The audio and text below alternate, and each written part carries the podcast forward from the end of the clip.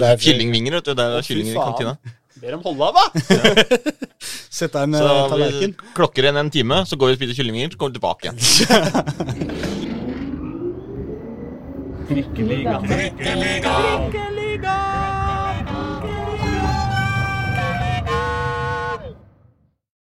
Velkommen til uh, Trikkeligaen. Ja, det er blitt sesong fire, episode åtte. Og det er Håkon Thon som prater, og ikke Aslak Borgersrud. Det er vikarlærer i dag òg, gutter, og det er det beste vi veit når vikarlærer er på plass. Da er det lov til å kaste viskelær, lage papirfly, rett og slett finne på litt bøll. Det skal vi kanskje gjøre i dag, for vi har med oss en gjest. Andreas Alrek, den nye vinen i Trener-Norge. Som han kanskje liker å bli kalt. Vi får se. Hyggelig å ha deg her. Takk skal du ha. Hyggelig å være her. Ja. Pål Karstensen, du er eh, med meg, og det er godt, så jeg slipper å sitte her helt aleine med, med Andreas. Hei, hei. er du klar? Ja, det her blir bra. Fylte opp vannglasset? Vannglasset er, er på. Har en time, så blir det kyllingvinger. Ja. Først av alt så kan vi jo eh, rett og slett be om en, kanskje en introduksjon for alle de som ikke nødvendigvis veit hvem, hvem du er. Eh, U21-trener i Grorud. Eh, vært i Grorud i ti år nå. Eh, spilte, var spiller der i fire-fem år, og så ble trener etter det. Eh, ja. Jobber diverse andre fotballjobber. Vært innom landslag, eh, G15, G17. Og skal igjen nå snart. Som hele gjengen på Grorud føles ut som har vært. Ja, det, jeg ble lurt inn der av Eirik Skjøne. De sa at ja, ja, vi har, vi har en vikar klar. Eh, jeg kunne ikke en dritt av disse analyseverktøyene, så da måtte jeg lære det fort som bare det. Og så kunne de ikke når jeg kom på samling, så måtte det ble en eh, fryktelig sen natt den første dagen der. Hvor jeg måtte bare finne ut av ting og klussa og sletta ting jeg hadde gjort, og sto i det, da. Så ellers så jobber jeg litt som uh, toppidrettslærer på Bjerke. Og så ellers, ja, full stilling i Grorud. Mm. Så det er Grorud det går i. Men du, har kommet, uh, men du har kommet inn i det nå, da. Som sagt, du har vært der en del år. Er du, du, hvor er det du egentlig er fra? Du er jo ganske lokal, er du ikke det? Høybråten-gutt. Ja. Så flytta far til Veitvet, så ja. Rundt omkring i Groruddalen, men uh, gikk, på, gikk på Bjerke videregående òg, så du har jo egentlig kontroll på hele Groruddalen der. Ja. Så du, eh, selv om man er fra Høybråten, så, så er det mulig å få hjerte for, eh, for Grorud. Det, det, det derre rivaleriet på en måte som er innad i Groruddalen, det har jo vært en sånn greie som Grorud som klubb har prøvd å, å på en måte kvitte seg med å heller prøve å inkludere hele, hele Groruddalen. Er det ikke egentlig det? Jo, jobba hardt med det helt siden jeg ble trener, i hvert fall. Så har det rulla godt hele tiden. Og gitt mye. Eh, og, og prøvd å, å Ja, fordi folk, folk eh, tenker ikke så godt om samarbeid med liksom eh, ja, toppklubber eller klubber som er høyere enn dem i hierarkiet. da. Så da måtte vi, måtte vi få dem til å tro at dette er, dette er en samarbeid som gagner begge. Og det har man klart nå, med veldig mange klubber i Groruddalen. Og og det har blitt bra, altså. Det er spennende. Og det har jo vært sånn at Grorud har jo produsert en del eh, veldig spennende fotballspillere den siste tida, bl.a. da med deg som en viktig rettleder og, og trener. Er det på en måte dette som er eh, Andreas eh, Alrik sitt, sitt kall som fotballtrener, å få fram unge talenter, eller eh, hvor, eh, hva ønsker du på en måte selv å utrette? Nei, skal jo opp og frem, selvfølgelig. Eh, eh, og så hjelper det veldig å gjøre det et eh, lokalmiljø hvor du føler det betyr noe mer enn bare å utvikle fotballspillere. da. At du, du hjelper familier, du hjelper et lokalmiljø. Eh, men eh, uten tvil så ønsker man å komme opp og frem. Eh, man er tidlig i gang, men man har veldig mye å lære, så det er viktig å være tålmodig i, i det yrket her, og ikke rushe ting. Hvordan er det oppe på Grorud nå, når det nærmer seg sesongstart både for eh, A-lag og U21-laget ditt? da? Er det god stemning der oppe? Det har jo blitt litt, eh, litt folk som har forsvunnet ut, noen som har kommet, eh, kommet inn. Hvordan, hvordan er Skinner sola der oppe nå? Ja, nå gjør den jo det, fordi eh, banen begynner å bli klar. Altså, vi hadde problemer med banen vår. Undervarmen eh, eh, gikk ned og ut, holdt jeg på å si. Den funker ikke lenger, så vi har hatt nedre bane eh, på Grorud som er brukbar. A-laget har trent på Løvenstad, mange har trent på Kalbakkenfeltet. Og nå begynner eh, folk å komme seg tilbake på Grorud. Eh, så det har jo vært en veldig, veldig stor hindring i en, i en eh, allerede ganske tøff prosess, da, med nedrykk og nedskaleringer og, og gjøre om litt på organisasjonen. Eh, så eh, U21 har flytta litt ut av de eldre, eller eldre og eldre, men eldre i U21-forstand. da. Ut med 19-20-21-åringer og inn med 15-16-17-åringer. Eh, Så, så det, det har vært en omveltning for meg, som hadde en ganske el mye eldre tropp og, og mer klare for seniornivået i fjor enn i år, og samme med A-laget. De har eh, de har gjort om litt på, på stallen sin og har noe yngre og, og mange eh, nye spillere da. Så de må liksom, alle må settes inn. I hvert fall på A-laget må man jo lære disse spillerne hvordan man ønsker å spille og fremstå. Men på U21 så tar man jo først og fremme opp sine egne spillere, som gjør at eh, de er allerede ganske godt drilla i, i hvordan vi jobber i Grorud. Ja. Er, her er du inne på, på måte, noe av det som har vært nøkkelen til det. Dette har vi jo prøvd å belyse ganske mange ganger, eh, vi blant annet, og dere har jo selv vært flinke til for så vidt belyse det. Men eh, på en måte, hvordan Grorud har jobba for å måte klare det opprykket til førstedivisjon som, man- som man da gjorde for, for å være toppklubb i, i andredivisjon som man forventer å være denne sesongen, og som man var før man rykka opp. Så er det på en måte, slik jeg har eh, lært å kjenne dere, så er det jo akkurat det med å å jobbe med å finne de riktige spillertypene, de riktige kvalitetene både på og utafor banen, som kan gå inn og ta plassen til de andre som forsvinner ut. For spillerne dere som ofte blir solgt eller som forsvinner ut, er jo ikke gamle gutta når de drar fra dere heller. Så dere opererer jo på en måte i et aldersspenn som er veldig, veldig ungt, da. Og du er, det er jo A-laget til Grorud. Og du er på en måte på hylla under det igjen og skal prøve å Jeg regner jo med at det er en rød tråd der med at suksessfaktoren er at man har hele tiden klart å finne de riktige spillerne. Vært god på spillelogistikk, rett og slett. Er det riktig liksom, oppfatta? Ja, man er ute etter typer, og man er ute etter å eh, forme dem eh, tidlig. eh, og, og være tydelig på hvordan vi ønsker å fremstå, både på og utenfor banen. Eh, så man ønsker å ha neste klar hele tiden. Eh, og spillelogistikken har vært ganske bra. Mm. og så har den vært litt tilfeldig og litt trenerstyrt, men nå, nå har vi fått det på plass, og nå er det litt mer klubbstyrt da, fra topp og ned. Eh, og eh, utviklingsavdelingen har jobbet der ganske godt i de siste årene, eh, med, med god eh, ja, hva skal vi si, Vi er ute og scouter spillere, har kontroll på hva som beveger seg, og hva slags type vi, vi ønsker inn. Eh, så Er når- du med i dette også, på, en måte, på noe vis? ja, vi eh, U21 er en del av utviklingsavdelingen, eller har vært det i hvert fall eh, alltid. Og så justerer seg litt nå. Eh, og da jo Da hadde vi en eh, scouting-chat som er bare oss trenerne. Her er interessante kamper. Eh, de som kan gå ut og se. De og de spillerne er interessante fordi vi tror han og han kanskje tar steget opp snart. Så da, da mangler vi noen i den posisjonen.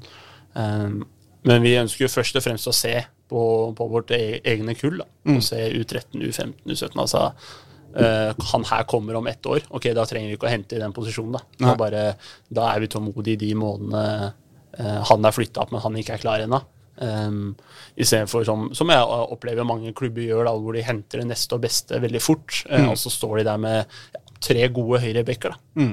Um, hvor vi prøver å være lojale til de vi har, um, så langt det går. Altså Det er jo det er en balansegang om å drive, prøve å drive toppfotball og konkurrere mot de klubbene vi konkurrerer med, og være lojale og liksom ha, få opp og frem våre egne. da. Ja, for det er jo, det er jo blitt litt sånn nå at eh, altså det, det, kunne, det, det er mange lag i Groruddalen som etter tur har eh, prøvd å satse litt.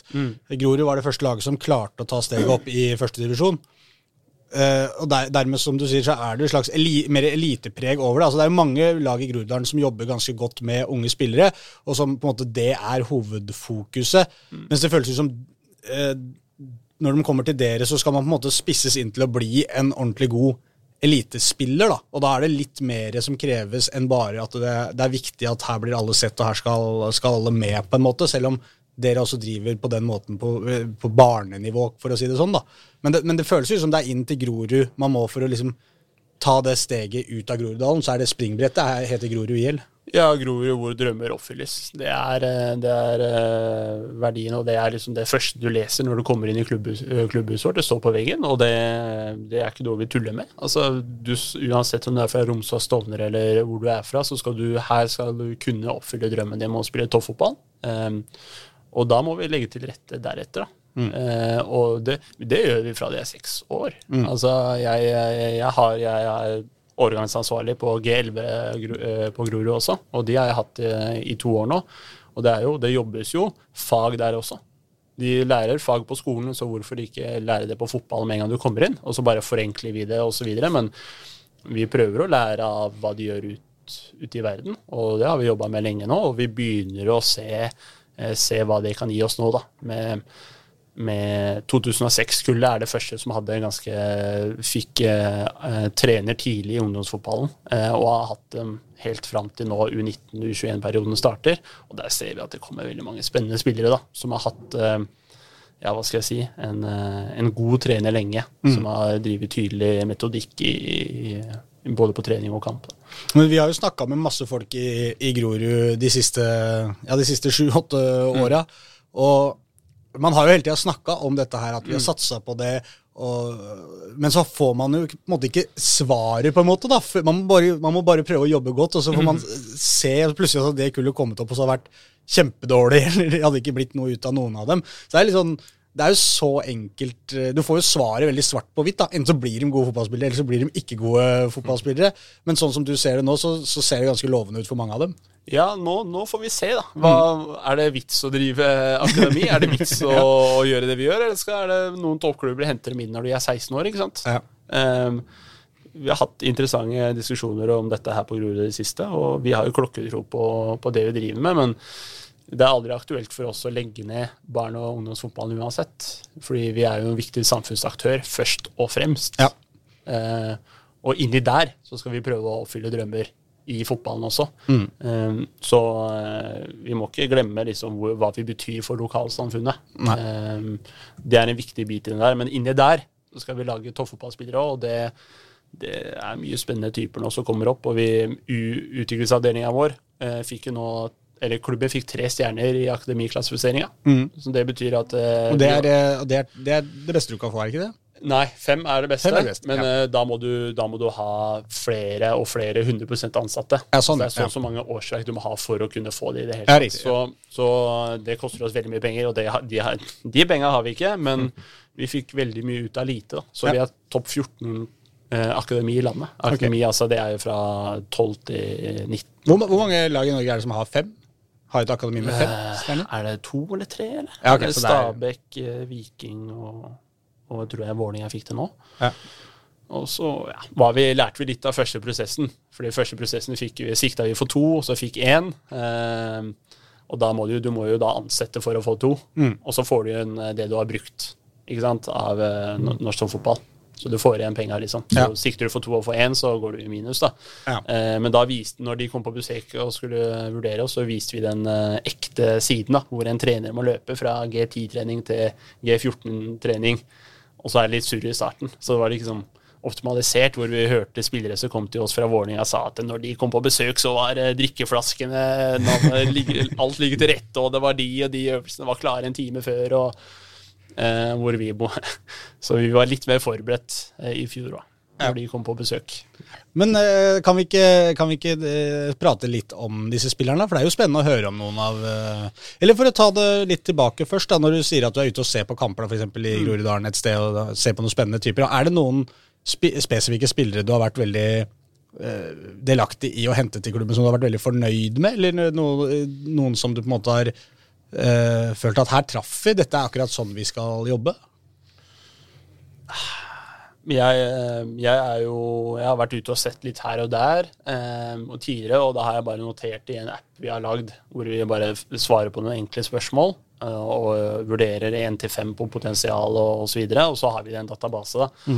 Så hvor mye den databasen brukes nå, eh, det veit jeg ikke, men jeg tror ikke den brukes så hyppig. Så vi har jo prøvd oss litt frem, hva som er liksom godt bruk av ressurser. Og dette er jo scoutinga vi har gjort, er jo egentlig på frivillig basis. Det er jo ikke i noe stinning, bortsett fra én halvveis i fjor. Eh, Så eh, nå har vi henta en keeper fra Lørenskog som er knallgod inn på U21. Navn? Eh, Noah Vangen Ryster. Ja. Han eh, trente med A-laget nå. og De bare Hva? Hvor kom han herfra? Nei, han kom nå nylig. Og han har vært bra. Eh, Så Tollef Ja. Altså, Vi har alltid prøvd å følge med på Vålinga G16, for da gjør de en cut vanligvis. da. Gir dem kontrakt for å være med på juniorlaget, eller slipper resten. Ja. Det er, da, det er en cut når Vålerenga gjør. Så vi, gjorde, vi har alltid fulgt med på Vålerenga G16. Eh, alltid, alltid, eller generelt med Vålerenga G16, da må vi være oppmerksomme, oppmerksomme på de Vålerenga ikke gir kontrakt. Eh, men Tolle fikk jo kontrakttilbud fra Vålerenga, men eh, valgte oss den tida. da. Ja. Og det, han var jo knallgod ja, for det var eh, Er det to før år siden? sesongen i fjor, da. Ja. Og han fikk jo nå nylig A-lagskontrakt også med, med Grorud, og det er jo morsomt. Veldig. Det er jo, det er jo sånn det skal være. Um, så det er jo dritkult. Berger Kisaruko henta fra Vålinga Mm. uh, inn til U21 og nå opp til A-laget. Så, så man begynner å se Elias Aarflot. Ja. Jeg var jo ganske fornøyd med å, å få inn han. Ja. Uh, vi det var jo, vi, vi var jo bare titta litt på han. Ja. Sånn, Han spilte jo back og midtbane og Hvis du bare de fort, siste- ja. fort skyter inn bare hvem det er, sånn hvis noen lurer på For det er ikke sikkert alle har fått det med seg eh, som eventuelt sitter og hører på. For det er det som er gøy når man prater om disse, disse unge spillerne, så er det ofte litt ukjente for mange. Selv om Ja. for deg så er dette det er veldig verden, da. Ja, det er forsida hver dag for deg, på en måte, dette. Men, Det eh, var jo men- de som har Altså, de hadde jo kanonspissbar, da, hvis vi kaller det det, på, på U21. Mm. I hvert fall eh, før, før Elias jo dro til Tromsø i fjor sommer, var det? Ja. Eh, og da var jo Tollef eh, Eptholm og Elias Aarflot et spisspar på, på U21-laget ditt. Vi så jo de i mange kamper, og de herja jo. Mhm. Skårte jo gjerne ofte to-tre mål hver i samme kamp. Så, så vi så jo at her er det jo virkelig liksom eh, potensial. Eh, både for Grorud, men så åpenbart også for, for andre klubber. Eh, eh, og da Elias Aarfort har jo da dratt til, til Tromsø da, i Eliteserien sammen med bl.a. Jo Painsil, som jo dro fra, dro, dro fra, fra Kjelsås. Ja. Men eh, da kan du få fortsette. For det er litt morsom historie med han eh, akkurat Aarflot. fordi jeg husker jeg snakka med deg i en eller annen kamp og tenkte ja, han virker som en bra spiss, men han går jo jævlig mye offside. Han er offside hele tida. Og da sa du jo, men det er ikke så rart, det, for han, han var, spilte jo egentlig høyreback. Og da, Det er jo en litt sånn spesiell greie. Hvordan, hvordan finner man ut at en høyrebekk plutselig skal spille spiss? Det skjer jo ikke veldig ofte. Nei, jeg, altså, jeg veit jo ikke hva som har foregått i, i Lyn der. Eh, så begynner ikke å, å tenke så mye rundt det, egentlig. Han, eh, han eh, vokste mye en periode. Ja, Rett og slett i høyde og fysikk. Ja, ja. Og han har alltid trent mye. Vi har jo grei kontakt med faren, og han har alltid sagt at Elias har vært en maskin når det gjelder trening. Trent før skolen på eget initiativ. Eh, elsker fotball og lek, men trener mye, da. Så han kom til oss, og han hadde, var jo fullpakka av muskler. Eh, og vi er jo veldig på belastningsstyring i denne alderen, eh, fordi de vokser mye. Vi må passe på å trykke for mye til, så kan det komme en alvorlig skade. Så vi vil være på den sikre siden. Men eh, det her var første gang jeg kunne bare si her er det bare å kjøre på. Du kan, bare, du kan være med på nesten alt. Altså Karen ble jo sint når han ble bytta ut i treningskamper, hvor vi leda 3-0, og det var 80 minutt. Ja. Elias, vi skal få flere spillere i form. Ja, men jeg vil spille 90. Ja. Hva må jeg gjøre? Nei da, så han, eh, han eh, var vi jo scouta på, og eh, vi har egentlig fulgt mest med på begge brødrene hans, Mm. som er eh, 13 år og nå 17 eller noe sånt nå. Hvor befinner de seg? Lyn og, og Korsvoll. Ok. Så han yngste um, Og samme, samme fysikken, eller? nei, nei, nei, nei. Så de, eh, han ene, eh, med mellombroren har vokst mye nå, Ja. eh, men han følger, ja, det var egentlig han vi var ute etter. da. Ja. Mellombroren. Elias var sånn Ja, Torgeir, eh, som er assistent på A-laget nå, sa til meg at uh, han er spennende. Mm. Uh, han har en mentalitet som du kommer til å elske. Um, men uh, vi var jo først og fremst eh, ute etter mellombroren, og da sa faren sjekk ut eldste også. Ok, kom han eh, eldste på Vi ble enige om at mellombroren har godt av å være i Lyn. Han får mer spilletid på juniorlaget der. Eh, eldstebroren kom, Elias. Det var jo bare Jeg, jeg elsker jo eh, folk med den type mentalitet. Og liksom kunne pushe grenser og være på han, og du vet, han feeda av eh, med min ledertype også. Ja. Så vi fikk en god kjemi tidlig. eh, og da var det bare å lære han hvordan være spiss, for han var et beist. Ja. Eh, så det der var en suksesshistorie, og litt, sånn, litt trist at vi ikke fikk liksom fått han opp på A-laget og fått det til å bli en fullverdig historie, men eh, jeg personlig, eller vi, ønsker, eh, ønsker spillerne det beste. Så at han havna i Eliteserien og får leve av fotballen og få oppleve det profflivet, det er bare dritkult. Det var jo mange som mente mye da han dro, husker jeg, eh, om han skulle bli eller ikke, og hva var best for han. Og det er, jo, det er jo egentlig ikke så interessant å diskutere, for man får aldri vite svaret på det. Men, eh, men som du sier, det er jo kult når man rett og slett, ikke engang fra A-laget, men fra, fra andrelaget eller U21-laget, kan selge spillere sånn sett da, til en eliteserieklubb, så er jo det en veldig stor fjær i hatten. Ja, jeg eh, det, det bruker vi for alt det det er verdt. Ja. Ny spiller inn til U21 i år. Halla, du. Vi sendte en spill til Eliteserien i fjor. Du, Ja. du er i trygge hender. Ja, ja, ja. Kom og tren hardt, du, og så fikser, fikser vi dette sammen. Og det er jo, det er jo faktisk eh, kanskje den største og beste reklameplakaten dere har, Ja. er jo faktisk alle de spillerne dere har, eh, har fått opp og fram. Nå er Bolli gikk til Vålerenga, dere har Safaris som har dratt til eh, Tsjekkia nå. Sant? Det er flere spillere der som har uh, Hagen oppe i Bodø. Magnus er Jensen keeper nå til Vålerenga. Ja, ikke sant? Det er, en, det er masse spillere som på en måte går framover hele tida. da. Og det er det som jeg, jeg husker jeg skrev det en gang om Grorud, at det virker som at litt av suksessfaktoren også er at det, alle disse unge spillerne som er der, som vil opp og fram, man klarer å finne de, som du sier, med riktig mentalitet. Så klarer man også å gi dem en kjærlighet for Grorud. Sant? De blir veldig glad i klubben når de er der. Så mens de er der, så er de veldig, virker det som de er veldig innstilt på at de skal på en måte Ja, jeg skal ikke være her i ti år, men i dragsuget så ligger klubben og blir med. liksom Når de spillerne løper fort framover, så henger bare Grorud med etter. da, Og den blir dratt egentlig opp av en gjeng sultne spillere som ja, ønsker Grorud alt godt, men som også vil seg selv opp og fram, på en måte. Det er en god miks vi har fått til. Altså, vi har trenere som er sultne, og spillere som er sultne, og det, det gir et stort pluss. Um, og, og vi ser spillerne på en annen måte enn hva mange andre klubber gjør. Og det vet vi jo fordi vi, spillerne forteller det når de kommer til oss fra andre toppklubber. Uh, hei, faen. Trener snakker med meg, og trener hilser på meg og spør hvordan, hvordan har dagen din vært, hva, hvordan sov du i natt. Altså, annet enn sånn basic spørsmål hvor du bare skal få noe tilbake. Men her er det en eh, trener som er genuint interessert i meg da, som menneske, Ja. ikke bare meg som fotballspiller. Og da får man det der eh, litt sånn oppbrukte frasen 'familie, vi er en familie', bla, bla, bla. Ja. Den, den har, det betyr noe i Grorud, da. Eh, og det Da får man til eh, ting, da. Ja. ja, for En ting er jo å si det. Altså, Det er en oppbrukt frase, kan du godt si, men, men det jo, hvis man får det til, så er det jo nøkkelen. Det er jo derfor man bruker det mye. Absolutt. Så det, det er viktig, og det er, lett, eh, og det er lett å skape familiefølelse hos oss. Hvor mm. I Groruddalen så er det det folk har til felles, det er at eh, de elsker fotball. Da. Det er kanskje andre ting er kjipt, og man mangler ting her og der, men da de er vant til å fighte for ting, som regel, i Groruddalen. Og da, da får man en sånn familiefølelse fort, da, hvis man er god på å se mennesket, og, men sette tydelige krav. Så vi har suksess, Suksessen vår er at vi gir kjærlighet og omfavner det, men deretter stiller knallharde krav, da, sånn at de veit hvor de kravene kommer fra. Sånn, Treneren vil meg ikke noe vondt, eller han hater meg ikke, men det her er liksom standarden vi, vi lever etter. Da. Han er glad i meg. Hvem er på en måte den, eh, for Jeg føler vi har sirkla litt rundt den grøten. Vi må jo høre litt hvem spillere på en måte som er eh, Hvem er det vi skal holde et ekstra øye med nå i årene som kommer? Hva er det mest spennende dere har oppe på Grorud nå? Kan ikke røpe alt uh, speiderne må ut og, og, og jobbe.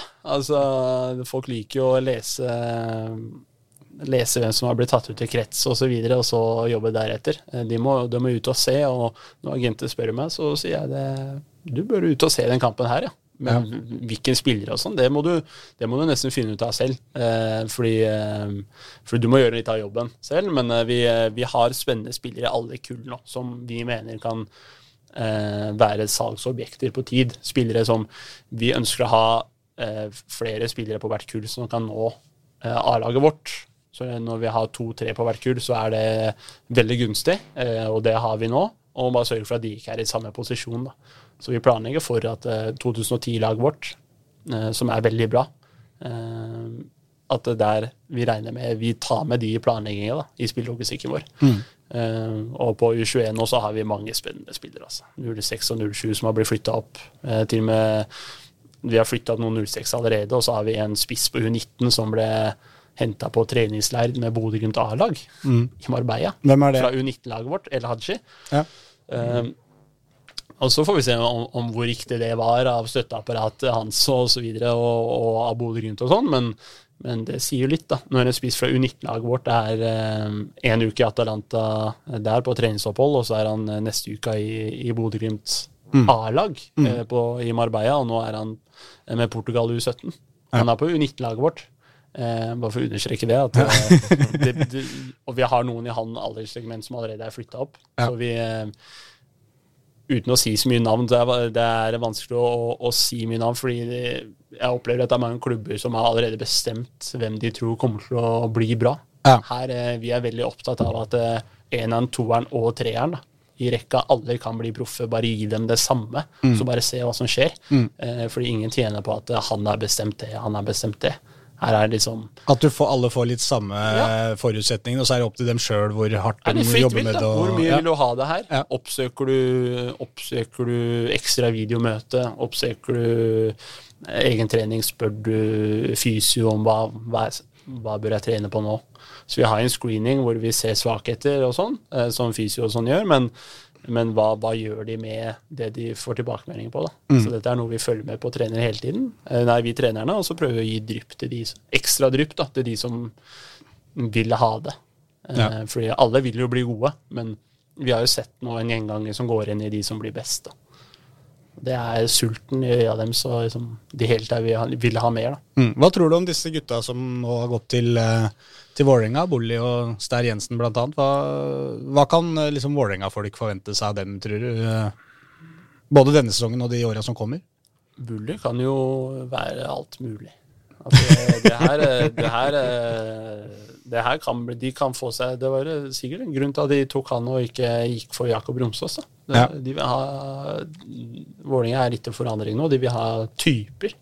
Han er en type som får publikum som de kan hate og elske litt, men som de kommer til å elske både på, som ferdighetsmessig og som sånn litt sånn Ikke drittsekk, men litt sånn tøffing. Ja. Eh, og du ser jo det at det er litt sånn den veien Vålerenga går nå. Eh, og det der kan bli virkelig bra.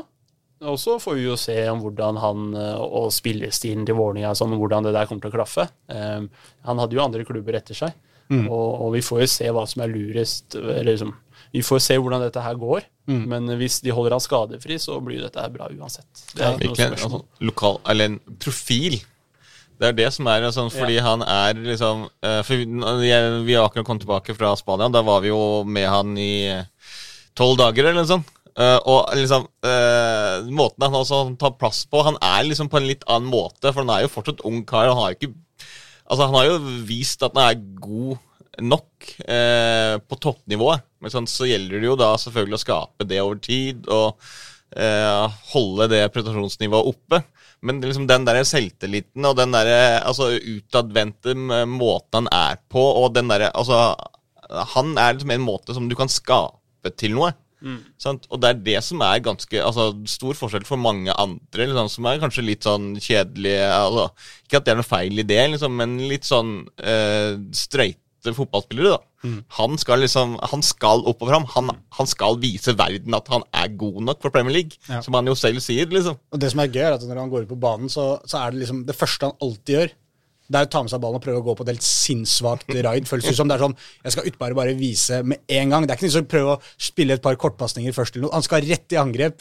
100% Funker nesten aldri det første raidet, men så får han et par muligheter til, og så plutselig sitter det, og så, så skjer det ting rundt meg. Og jeg har jo kalt den litt sånn Norges eh, svar på Zlatan, uten sammenligning for øvrig, men litt måten når du intervjuer når du prater med han, så er litt sånn, prater litt om seg selv i tredjeperson, er litt sånn, er litt, litt cocky, litt, eh, litt kul, rett og slett. Og det er litt morsomt. Og som du sier, bra for kanskje Vålinga den, få den, hva skal man kalle det, markedsføring, eller hva man skal si, den, eh, ja, publikumsspilleren kan by litt på seg selv, så være litt annerledes enn alle de andre.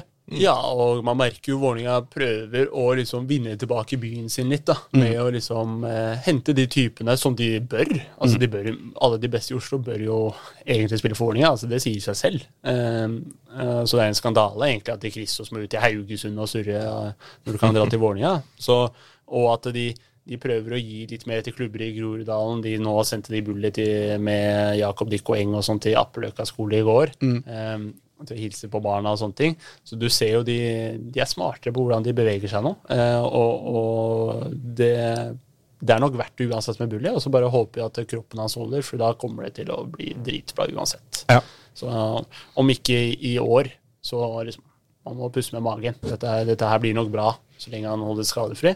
Og Magnus Stær Jensen er en er det mest modne 15-åring, 16-åring, 17-åring jeg har møtt. Altså, det er, det, han er skikkelig type. Sterk mentalt og godt menneske. Og tør å by på seg selv. Og en solid keeper. Det, så er det jo samme som med Elias. Litt trist at vi ikke fikk se hele utviklinga i Grorud. Em, men det er ikke sikkert vi hadde klart det heller. Så nå tar Vålinga over stafettpinnen, og jeg heier på begge de to videre. Um, det der kan bli eh, skikkelig bra. Ja. hvert, hvert fall med Bully nå. Også keepere trenger ofte litt mer tid, da. Men Vålinga har jo utvikla keepere før de. Ja, ja og keeperplassen er jo litt sånn som føles ut som en eh, eh, fryktelig langt unna før du plutselig, før du plutselig har den. Mm. Det er jo litt sånn det fungerer. Mm. Altså, hvis det er noe de har god track record på i Vålerenga, så er det å utvikle keepere. Ja. Så, så der skal han være i trygge hender. Men hvordan er det for deg da, å se på de, de spillerne her som du, du, har hatt innom, da, mm. og ta det, det steget? eh, både som Elias eller Magnus eller, eller Bully, som har vært innom uh, dere.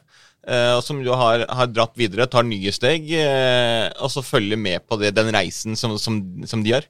Det må jo hoppsi, bare fylle, fylle dere med, med, med en stolthet, at dere var med og la, la et grunnlag for, for, eh, for de her. Vi er kjempestolte. Jeg personlig blir veldig knytta til spillere og, og, og sånn, så det var nytt for meg når liksom Grorud sparker trener, altså Grorud selger spillere. altså Dette her er allerede Jeg må føle på det her fortsatt, da, så jeg er ganske ny i bransjen. Um, og, og det å se spillere gå videre er jo bare dritkult. Det er jo I I hvert fall når de liksom blir kjøpt i en klubb og de blir satsa på, og du ser det går bra med nesten alle vi får ut. Uh, kanskje ikke i første klubben, men i andre, sånn som Maria Kornic. Eh, og eh, Nei, jeg blir kjempestolt, og det er jo det drømmer skal oppfylles. Vi skal bidra til at drømmer oppfylles, og da nå har vi vi, er på, vi har gjort vår jobb med en del spillere nå, da.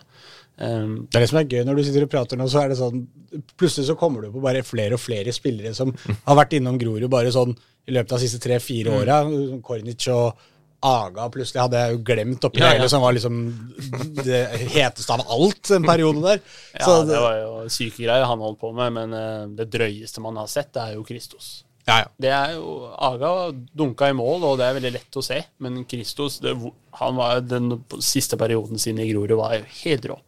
Og jeg, apropos det, hvordan følger vi med på dem? Altså, jeg snakker med Kristus nå, fortsatt. Jeg har tenkt å dra og se på kamper i Praha. Og liksom, vi bryr oss om han, og han, var veldig, han er en veldig spesiell gutt. da. Den sultne øya hans, den er så brutal. Eh, og hvordan han bare tar til seg lærdom. Eh, og han trenger ikke å bruke en måned på å lære ting. Du sier han beskjed, og så plutselig er det neste situasjon så har han lært. Og det er veldig spesielt. Så på landslag så var han jo eh, Læringsnivået hans var høyere enn alle andre, og det er ganske bra det landslaget han er på. Så det var jo tilbakemeldingen vi fikk av eh, treneren òg. Jeg var jo med på det første på en måte gjennombruddet, eller hvis man kan kalle det det. Jeg ble jo tatt med på den samlinga for første gang med det 03-landslaget. Odin Tiago Holm hadde fått seg en skade. Uh, han var jo skadeplaga den perioden der. uh, for to, nei, tre år siden, kanskje. Og eh, Kristos fikk en telefon. Var selvfølgelig da ute og fiska med faren sin. Tre, tre dager før samling vi skulle spille skandinavisk mesterskap. Og så var Mexico med også, da. Så han ble tatt inn som reserve i den samlinga. Var ikke tatt ut engang, og ble med, og ble vel turneringens beste spiller. Og deretter så var det bare en strak kurve oppover. Ja. Så Han virka som en fyr som eh, Som du sa, da, du gir alle de samme forutsetningene, og så for, må de også ta litt tak i seg sjøl, og, Ja. og hvor mye de er villige til å ofre. Han var jo sånn Jeg husker hver gang jeg var oppe på Grorud, eh, om jeg satt og jobba eller skulle gjøre noe annet der, så var det var han alltid der. Han dro alltid rett fra Valle, og så dro han opp på Grorud, og så satt han der, trente litt, så på noe video, jeg veit ikke hva han holdt på med. Men, gjorde lekser. ja, ja, han drev med alt mulig. Alt Han bodde jo oppå der. Det var jo litt fordi han bodde jo til Årnes, eller hvor søren det var. Så det var jo litt stikke hjem. Og så var ikke, han kunne ikke liksom dra hjem og slenge seg på sofaen etter skolen. For han skulle trene uansett. Men det var noe med at han, han var der hele tiden. Og som du sa, det var ikke noe det var ikke, var ikke noe tull med fotball. Det var ikke noe tull, liksom. Det var eh, det, var det han skulle få til. Jeg husker jeg prata med ham, da var han jo akkurat fått prøve seg litt på A-laget der. Og han, var liksom, han skulle til Premier League, og det var, det var ikke noe snakk om saken. Det er sånn, ja, alle, alle sier det. Jeg også sa det en gang i tiden, liksom, at jeg skulle til Premier League, uten at jeg hadde noen forutsetninger for at jeg noen gang skulle tro på meg selv. Men, men det var noe som du sier, når du bare satt og prata med den øynene hans, som var sånn det var, noe det var noe sånn Det skal skje, liksom. Det kommer til å skje. Og det, du, du, trodde du på å tro på det, Ja. ja. Så han, eh, Vi visste jo at Lester var eh, ute etter han når vi henta han til Grorud. Ja. De ville ha han på eh, trening, treningsopphold, for å ha et øye med han. Ja. Um, så vi visste jo faen, da er det bare å komme oss på ballen. Så vi ble noen uvenner med uh, Vålinga pga. den overgangen nå. Ja. Altså, Eirik Skjøne bare han kjørte på der, og da noen ganger så virka det som han bare gjorde ting på, på trass for å liksom ta litt plass også. Men eh, jeg som ung trener digga jo det. Jeg elska jo å være sånn selv. Eh, og eh, apropos det med Vålinga, så var det mye frem og tilbake, men de, liksom, de har begynt å gjøre en del smarte ting sånn sett utenfra, og vi har mye bedre samarbeid med dem nå, med Joakim Jønsson også inne, så eh, ser han verdien av hva vi driver med i Grorud. da. Mm. Så det, det ville, hvis jeg hadde vært i Vålinga, så ville det vært dumt å ikke hatt god, eh, godt samarbeid med Grorud. Mm. Fordi vi har vist over tid nå at vi leverer spillere. Du har jo vært som du har i, i Grorud i ti år. Men synes du den, altså den biten i, i Oslo-fotballen har, har utvikla seg? Fordi vi, vi ser jo stadig vekk at altså, unge spillere som kommer til en av klubbene i Oslo, altså om det er eh, dere i Grorud, om det er Koffa det er, altså, det er mange lag som er flinke til å utvikle spillere. Eh, får de opp og fram, enten om det er til, til Vålerenga eller andre eliteserieklubber. Eh, hvordan vil du at den, den utviklingen av unge spillere da, er tatt steg de siste ti årene? Ja, det er eh, norsk fo- toppfotball som har eh, gjort, satt i gang akademiklassifiseringa, som belønner godt arbeid. da. Så ikke, har ikke Koffa vært med i det før de skal prøve i år, tror jeg, eller neste år. Så, men det er bare konkurransen som har blitt høyere, tror jeg, pga. det. Og så at man eh, lønner trenere Altså det er seriøse jobber der ute for trenere, da, som gjør at eh, det drives bedre. Eh, så nå har man jo tatt igjen masse land, både på U-landslag, men også sånn generelt når man er på klubbesøk ute i Barcelona og, og rundt omkring eh, i verden, så, så ser norsk fotball at eh, nå, nå må vi ikke lære på alt. Nå er det en del, eh, en del steder hvor vi er bedre enn andre toppklubber på. da. Sånn helt ydmykt, men det er reelt nå, da. Så, så eh, norsk fotball har bare skutt i været, eh, og det er kompetanse, da, først og fremst. Og så syns jeg vi, vi har drevet veldig bra i Grorud over tid nå. Og det har ikke vært tilfeldig. Vi har satt opp et planverk, vi har liksom hatt en plan på hvordan vi gjør ting. Vi lar oss ikke rikke, og vi har stått i noen fighter. Når jeg kom, så hørte jeg jo masse historier om hva slags fighter man sto i, eh, og det gjør man jo fortsatt. Man har jo vokst veldig fort. Eh, man har jo egentlig vokst fortere enn det man, man kan kontrollere som klubb, da. Eh, som gjorde det litt naturlig at vi var nede, nede nå i, i Post Nord, da. Så veien videre er jeg veldig positiv eh, til. Eh, U-avdelingen er eh, på fullt på høyde med de fleste topplag. Og så må kom- komme dit etter hvert med A-laget. Eh, og så har vi fått på Samfunnsavdelinga også er blitt større og bedre. Eh, og vi gir mer til flere enn det vi gjorde før. Både sportslig og, og, og utenom sportslig. Så det gjør meg veldig glad, da, som er Groruddøl og, og som har får fort kjærlighet for disse gutta. Som det er mye, som du sier, Bully er type Det er mye typer i Grorud, da, og vi lar dem være det. Vi, vi, vi tar heller inn de Oi, jeg fikk ikke Vålerenga til han, fikk ikke Koffa til han. Ja, sendt den til Grorud og så se hva vi kan gjøre med det her, da. Eh, Det er litt sånn vi har lyst til å få det til med de som blir også sett litt sånn Ja, dette går ikke. Han er litt sånn Det er ferdig. Eh, hvor vi prøver å se hele mennesket, da, og prøver å forstå dem, og deretter møte de der de er, og så stille tøffere og tøffere krav. Det var jo en reise med Bully. Det var best believe. altså Det var jo ikke sånn at Vålerenga-Lillestrøm-perioden det var liksom stopp. Det var jo inn på U21 på Grorud og være på Bjerke videregående skole, ha møter der regelmessig. Eirik som A-lagstrener var jo der veldig ofte på videregående skolen hans. Som yngstemann i A-lagstroppen, liksom. Det var, eh, det var mye arbeid som måtte gjøres. Og eh, vi prøvde å tro han og møte han der han er, og være tøff med han, men gi han kjærlighet. Og det, og det lykkes vi med, da. Det er mange av de her som er tøffe fordi de trenger kjærlighet. De er eh, rebelske fordi eh, liksom, de må være det litt, da. Fordi de må kanskje passe på sine yngre brødre og sånn. De, de er liksom eh, villedet. Så du, du må hjelpe dem litt til å finne veien. Eh, og det må du gjøre med å forstå og gi dem kjærlighet. Eh, og det gjør vi i Grorud. Og, og eh, da får vi til de, kanskje de litt vanskelige casene, eller de pøbelgutta eller noe sånt. nå. Eh, vi har, altså, Jeg flytta opp en nå fra U19 på, på U21. Mm, 06 venstrebekk. Knallgod. Eh, men litt sånn eh, surrete og eh, Alltid når han var på U16, så trente han i Kongo-drakt og Zambia-drakt. Altså, alle andre trener med Grorud-drakt, men han eh, mista den og er i vask og har glemt den overalt. Så nå har han jo fått Grorud-tøy, da. Eh, som U21-spiller så får du kanskje litt mer, eller, så det er litt strengere krav. Men jeg ser den Kongo-drakta. Den er under. Den er under Grorud-genseren.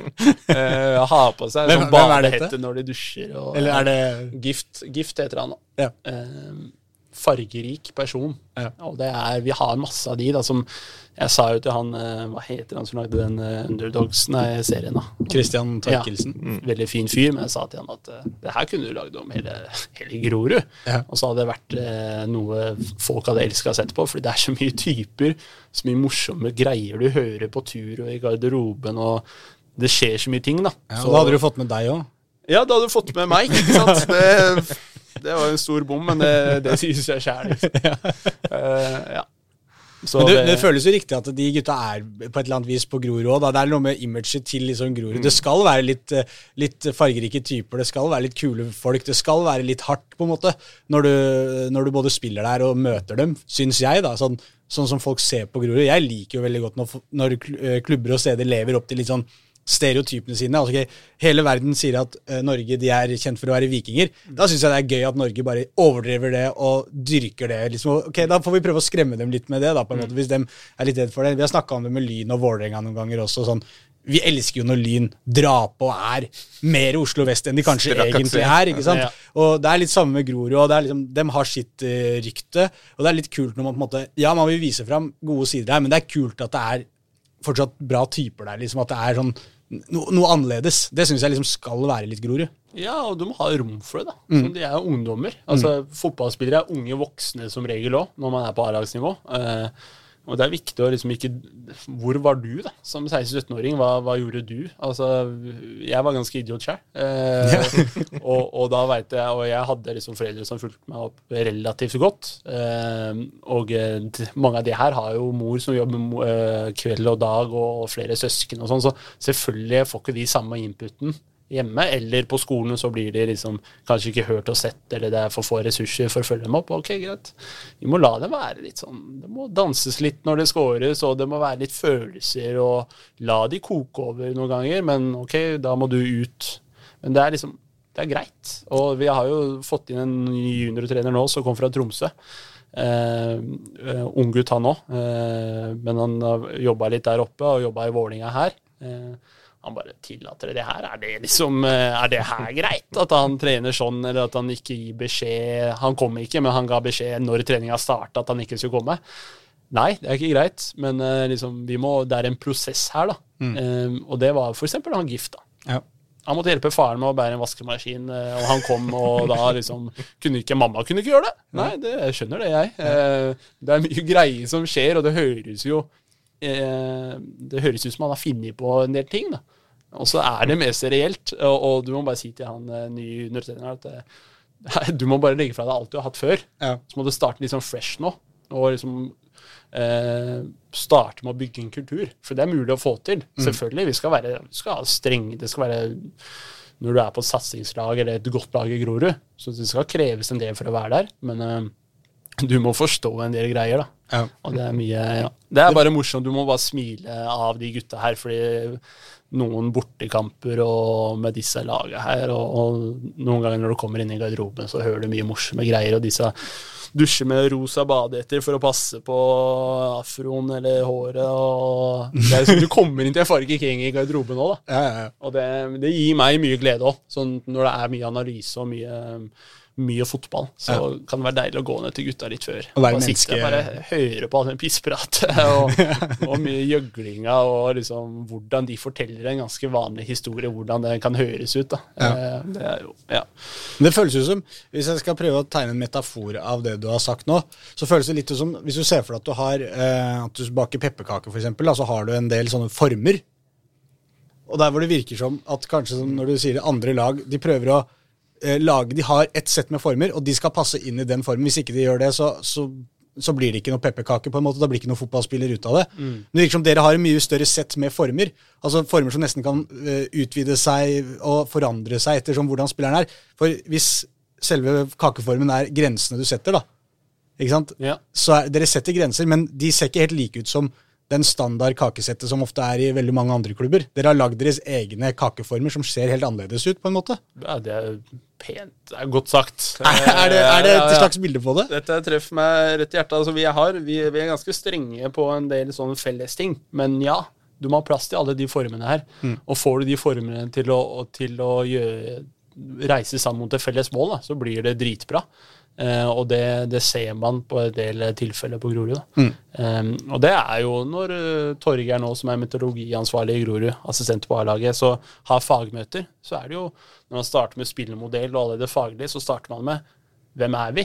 Grorud Granitt her, mangfold og dans. Det er liksom eh, eh, eh, fleksibel taktisk. Altså, du har taktikk, men du har også mangfold av dans. Det er Grorud Granitt som liksom vi er, er liksom vi er liksom kjent for. Det er granitten rett ved siden av. Er, så liksom, du, du må få med hele bildet av Grorud. da.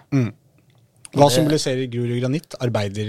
eh, Ja, og arbeiderklasseopplegget her. Eh, Ja, liksom at man er kommer fra et sted hvor det har liksom vært tøffe tak alltid, liksom. Og Ja, jobba hardt for ja, det. men Grorud granitt det er en sånn spesiell stein eller noe sånt. Noe Ja, ja, som, eh, som finnes i- Ja, eh, så eh, jeg har jo ikke følger jo ikke alltid dritgodt med, men uh, disse nye gutta må gjøre det, uh, tenker jeg. Det er andre, form, former, andre former for deg. Ja, de må Jeg har vært der i ti år, for faen. De må jo de må Gi meg slappe av litt noen slack. ganger. Ja. Okay.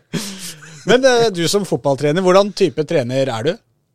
Hva, er det liksom, hva slags fotball ønsker du å spille? Det er et godt spørsmål. Jeg har tenkt på det mye i det siste.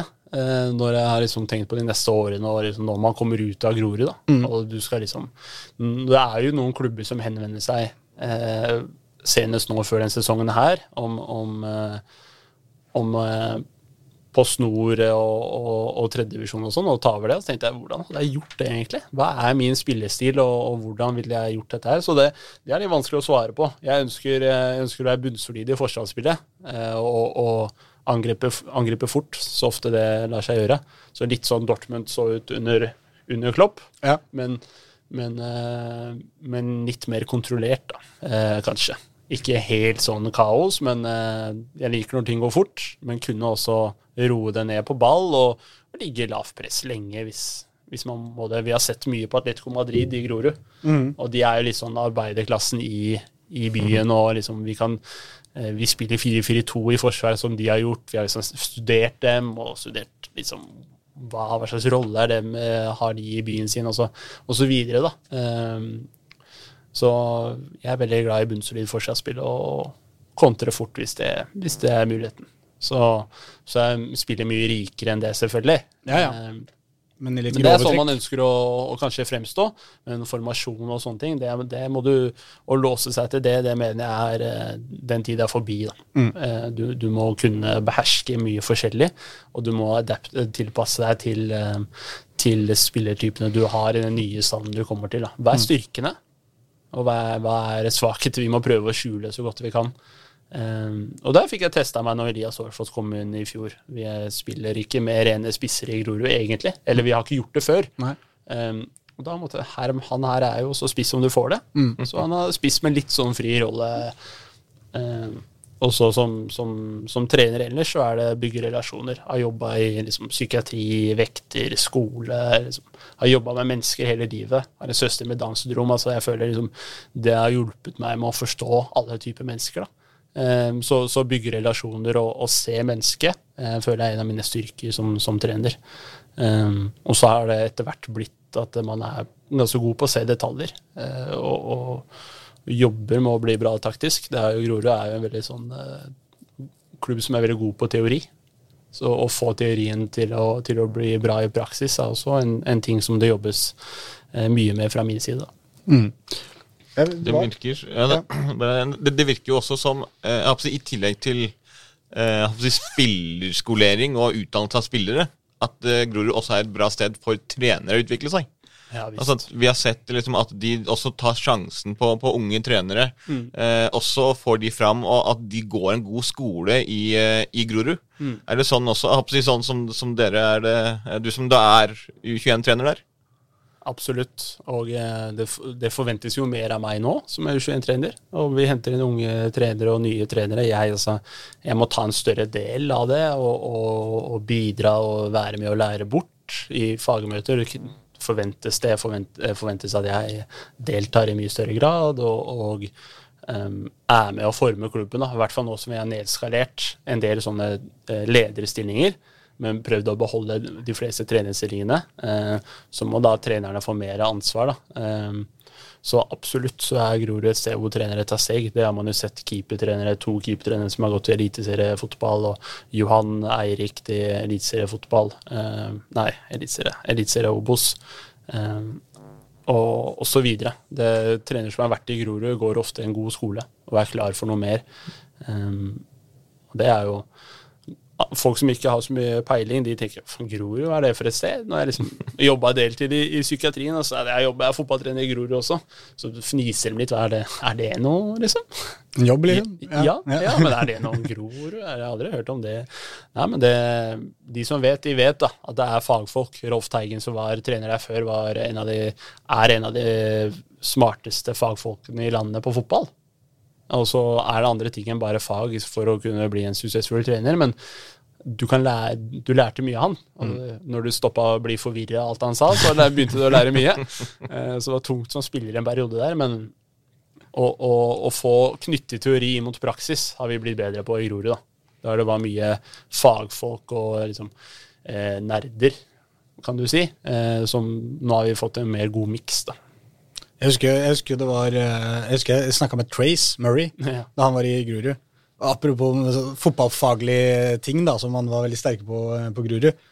For, eh, for han var jo da Han var jo ganske gammel da òg. Han var ikke noe unggutt på det Grorud-laget, i hvert fall. Nei. Men han var sånn Jeg vet ikke, jeg har lært ting jeg aldri hadde hørt om en gang før. Ja. Han var sikkert 25 år eller noe. Han bare, jeg, jeg lærer, Eirik Kjønne snakker om ting, helt nye ting, liksom, som jeg, jeg lærer ting når jeg er på trening i Grorud. Han sa at det var ikke noe han hadde vært med på egentlig på ganske mange år, da, siden han liksom var juniorspiller, mer eller mindre, og da var det mye nytt å lære, selvfølgelig, men sånn i voksen alder, som fotballspiller voksen i hvert fall, og, og liksom lære nye ting. Tredje, hva var det, var det noe med sånn tredje, Tredjemannspasning. eller noe sånt, som det var, men det var ikke bare det, ikke sant? det var, var mye andre ting også. Ja, det er veldig populære ting å snakke om tredjemann. Altså det, sånn, folk tar opp eh, det som er moderne og kult å snakke om nå. Jeg opplever at vi i Grorud eh, tenker på hva er det spillet handler om. Skåre og hindre mål, og så deretter jobbe oss inn mot ting. da. Hele tiden ha det i bakhodet når vi trener spillere.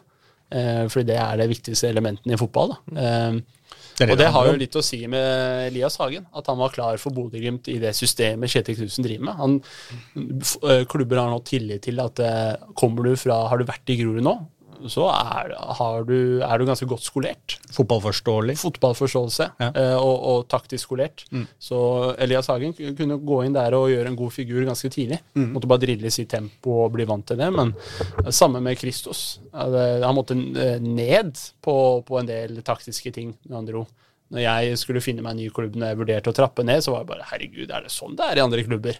Eh, og det var den en, en spiller nå som ja, kanskje ikke fikk den plassen på det ene laget han forventa at han kanskje må innom U17 før han går på U19. Så var han og trente med andre juniorklubber, han bare Herregud, det er sånn det er rundt omkring? Så kom han tilbake, da. Ok, greit, jeg skal krige meg opp til U19, Ja. Fordi liksom, selv om eh, de lagene han trente med, var på høyere nivå, så var det en helt annen verden. Og det er det jeg prøver å si. Altså, dere veit ikke hvor godt dere har det, noen av dere, før dere går ut. Nei. Eh, og det er spillere som har dratt fra U21, og som vil tilbake til U21. Så, nå har du prøvd noe annet, du har vært utålmodig, eh, og jeg prøvde å gi deg råd. Og det er greit det at du har vært ute og testa. Vi er ikke guru i fotballverden, men vi har vært ganske bra lenge, da. Og nå, begynner, nå føler jeg at nå begynner det å bli bra en del andre steder òg, men vi har lenge vært foran andre miljøer, da. Og så må vi jobbe med å prøve å holde oss foran, men, men ja. Trace, Det er sånn mange spillere føler det, som du er inne på med Trace. da. Ja. Eh, grunnen til at jeg spurte deg litt om bare deg som fotballtrener, er fordi at det var et spørsmål som kom på Twitter her også om akkurat det, tror jeg, men jeg vet ikke om vi fikk det med på det arket. Men det var noe med å trene på å vinne kamper. Ja, det er Ruben Tollefsen i Ja, den ligger der. Jeg bare, Der er den her eh, du Ruben kan jo lese Tollefsen. den, du. da. Ja. Hvorfor er Grorud blant de beste klassene på å lære unge spillere hvordan man spiller på resultat? Gjerne om hvordan man jobber med å drepe momentum og ta ut tempoet av kampene. Men før du svarer på det, så er jo, her er du litt inne på akkurat det du sier. da. Ja. Altså, dette høres jo ut som et spørsmål til Diego Simione på et vis. Altså Atletico Madrid, hvorfor, er, hvorfor, er, hvorfor trener dere på det, liksom? Og jeg husker at da jeg var øh, og så Grorud 2 mot øh, Det var vel Ready, tror jeg. Så snakka jeg med deg. Ja. Og så spurte jeg deg hva skal dere øve på i dag? Eller et eller annet, noe i den duren. Hva, hva er liksom målet for dagen? Hva ønsker du å få til i dag? Så sa du i dag skal vi trene på å vinne fotballkamp. Og det, som du sa, er derfor jeg tenker sånn, Skal du trene på en måte et A-lag på et eller annet vis, så er det på en måte mer sånn Du kan ikke bare sende ut en gjeng spillere og si sånn I dag skal vi bli bedre på, på å spille forsvarsspill og angrepsspill. Ikke sant? Det er jo, da er det mer fokus på faktisk å, å få med seg poeng og, og, og de greiene der. På et sånt andrelag så er det ofte den balansegangen er litt jevnere. Da, det, man, vi skal faktisk prøve å utvikle oss som fotballspillere også. Det er ikke bare resultat som er viktig. Eh, Og som du sa, Noen kamper så trener vi på forsvarsspill, noen kamper så har vi fokus på angrepsspillet.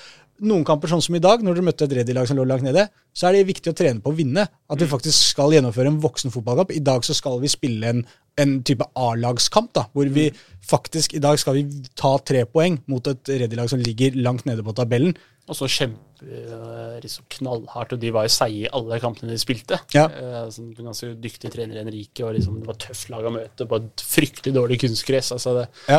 så ja, eh, og det hadde vi nå i, i en treningskamp nå mot Skeid også. Det var noen ganger så Dette her er seriekamp, vi skal vinne den kampen her. Hvordan det ser ut, det gir jeg litt faen i. Sånn, fordi det er, det er kravene, da. Mm. Det er, du, skal, du skal ta de tre poenga. Um, og det høres litt sånn enkelt og greit, men det er så, noen ganger må du bare ta eller de viktigste elementene i fotball, hindre skåremål, og så må du jobbe deretter, som jeg var inne på i stad. Mm. Og, øh, og det er vi inne på ganske mye tidligere enn mange andre klubber, det veit jeg. Eh, Men da bare introduserer vi det. Og så blir det viktigere og viktigere jo nærmere A-laget du kommer. Og U21, da begynner det å liksom Du kan ikke drible på femmeteren, liksom. Altså liksom, Det var et eksempel, men, men det er, vi er i den gata der, da. Og eh, tilbake til Ruben Tollefsen. Jeg veit ikke helt hvor han sikter til, men eh, lagene jeg trent før med U19, som man rykka fra andre div junior til første div, og så måtte man holde seg, og så man prøve å rykke opp med litt dårligere spillere. Altså man fikk liksom De som ikke fikk førstelagsfotball i Skeid junior, de kom til oss og måtte jobbe med de. Så da er det liksom bare å få det mentale overtaket. Snakke mye, vi snakker mye om momentum i Grorud. Når har vi det, og hva gjør vi, det, hva gjør vi når vi har momentum? Og hva gjør vi når motstanderen har det? Kanskje vi skal bruke tid på det innkastet. Kanskje vi skal skaffe oss noen frispark. eh, hvordan Men er- skal vi skaffe momentum mot Skeid borte? Jo, vi går høyt press, og så skriker, jubler vi hver gang de gjør en feil. Ja. Da er vi inne i hodet på dem, og da har, der står det 1-0 eh, før det er 1-0, på en måte. Ja, ja, ja for, for det, er jo, det er jo så enkelt fotball på ett vis er også. Ja. At det handler jo om det. Om å, om å vinne. Åssen du gjør det, er jo Altså, vinneroppskriften er jo genial uansett, hvis det er en vinneroppskrift. Og, så, så, så det er som du sier, det er jo en grunn til at alle lag drøyer, f.eks. Det er jo fordi at de enten leder, eller kanskje er det på papiret dårligere laget. Det er en grunn til at folk opererer sånn, men det, det er jo fordi det også gir resultater, da. Å spille på resultat det introduserer vi ganske tidlig. Og eh, det er viktig. Du må lære dem liksom hva er det spillet handler om. Eh, så det gjør vi nok ganske mye tidligere enn andre, andre klubber, og det frustrerer nok. Jeg husker vi møtte Lokomotiv Oslo borte i andre serierunde i fjor, og, de kokte jo som bare det. ikke sant? Vi vant 1-0, vi lå lavt og stanga unna, lagde noen frispark og jubla. Liksom, var liksom, det er liksom en gjeng med 17-18-19-åringer som spiller som de er 30 år, da. Og spillerne bare Fy faen, dere spiller dårlig fotball etter kampen, og da går det an å stille sånn her til meg, og jeg bare smiler. Jeg elsker jo det. og at noen hater oss, det er bare Det bygger vi på til neste gang vi møter dem hjemme, liksom. Det, Ja, ja. det her bare bruker vi. Um, så det er, det, vi, vi er opptatt av det. Og så Ja, det er klart, Når du møter dem neste gang da, og de begynner å skape sjanser, og dere står og de, Ok, de skal gjøre det samme i dag òg, så husker de tilbake Det var jo et helvete sist. Ja. Og da vet, skjønner du med en gang at det kommer til å bli et helvete i dag òg, sannsynligvis. da. Og så Ja, var- får du litt overtak, som du sier. Sånn, ja, det er det det handler om. da. Hele tida de, finne de små edgene du kan finne. Og eh, når vi møtte dem på hjemmebane, så var det helt annen gameplan. Da skulle vi dominere. Da hadde vi Ja. satt den elveren her. U21 i fjor, da henta vi en halve lag var nytt. Ja. Og vi møtte dem sent på sesongen i, på høsten, hjemme. Da var det jo bare å Da styrte vi hele kampen. Mm. Herje.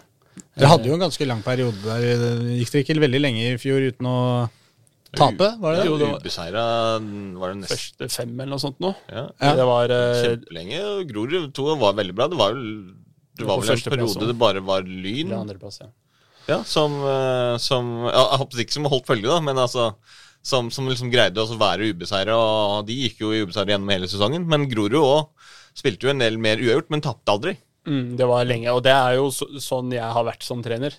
At det er kynisk som bare det, forsvarsspiller nummer én, og så ta det deretter. Eh, og så ønska man å liksom utvikle fotballspillere som kan dominere spillet. Liksom, vi ønsker jo det i Grorud. Eh, og da var det liksom OK, nå har vi fått de poengene. Jeg trodde vi skulle slite mer i starten. Oi, vi vinner jo. Ok, da kan vi begynne å eh, ikke spille naivt, men liksom prøve å, spille på en måte som hvis vi mister ballen, så må vi være gode eh, for å hindre sjanse. Litt sånn sette stopperne i mann-mann-situasjoner for at de skal lære det når de kommer opp til A-laget, så de er liksom fleksible for forskjellige kampplaner. Eh, så, så det var jo en del av greia. Vi var gode i starten av fjor, men også måtte vi videreutvikle fotballspillere, da. Eh, og det syns jeg vi klarte. Eh, så det var, det var en hel rå sesong i fjor, både med U21 og U19, eh, med NM der.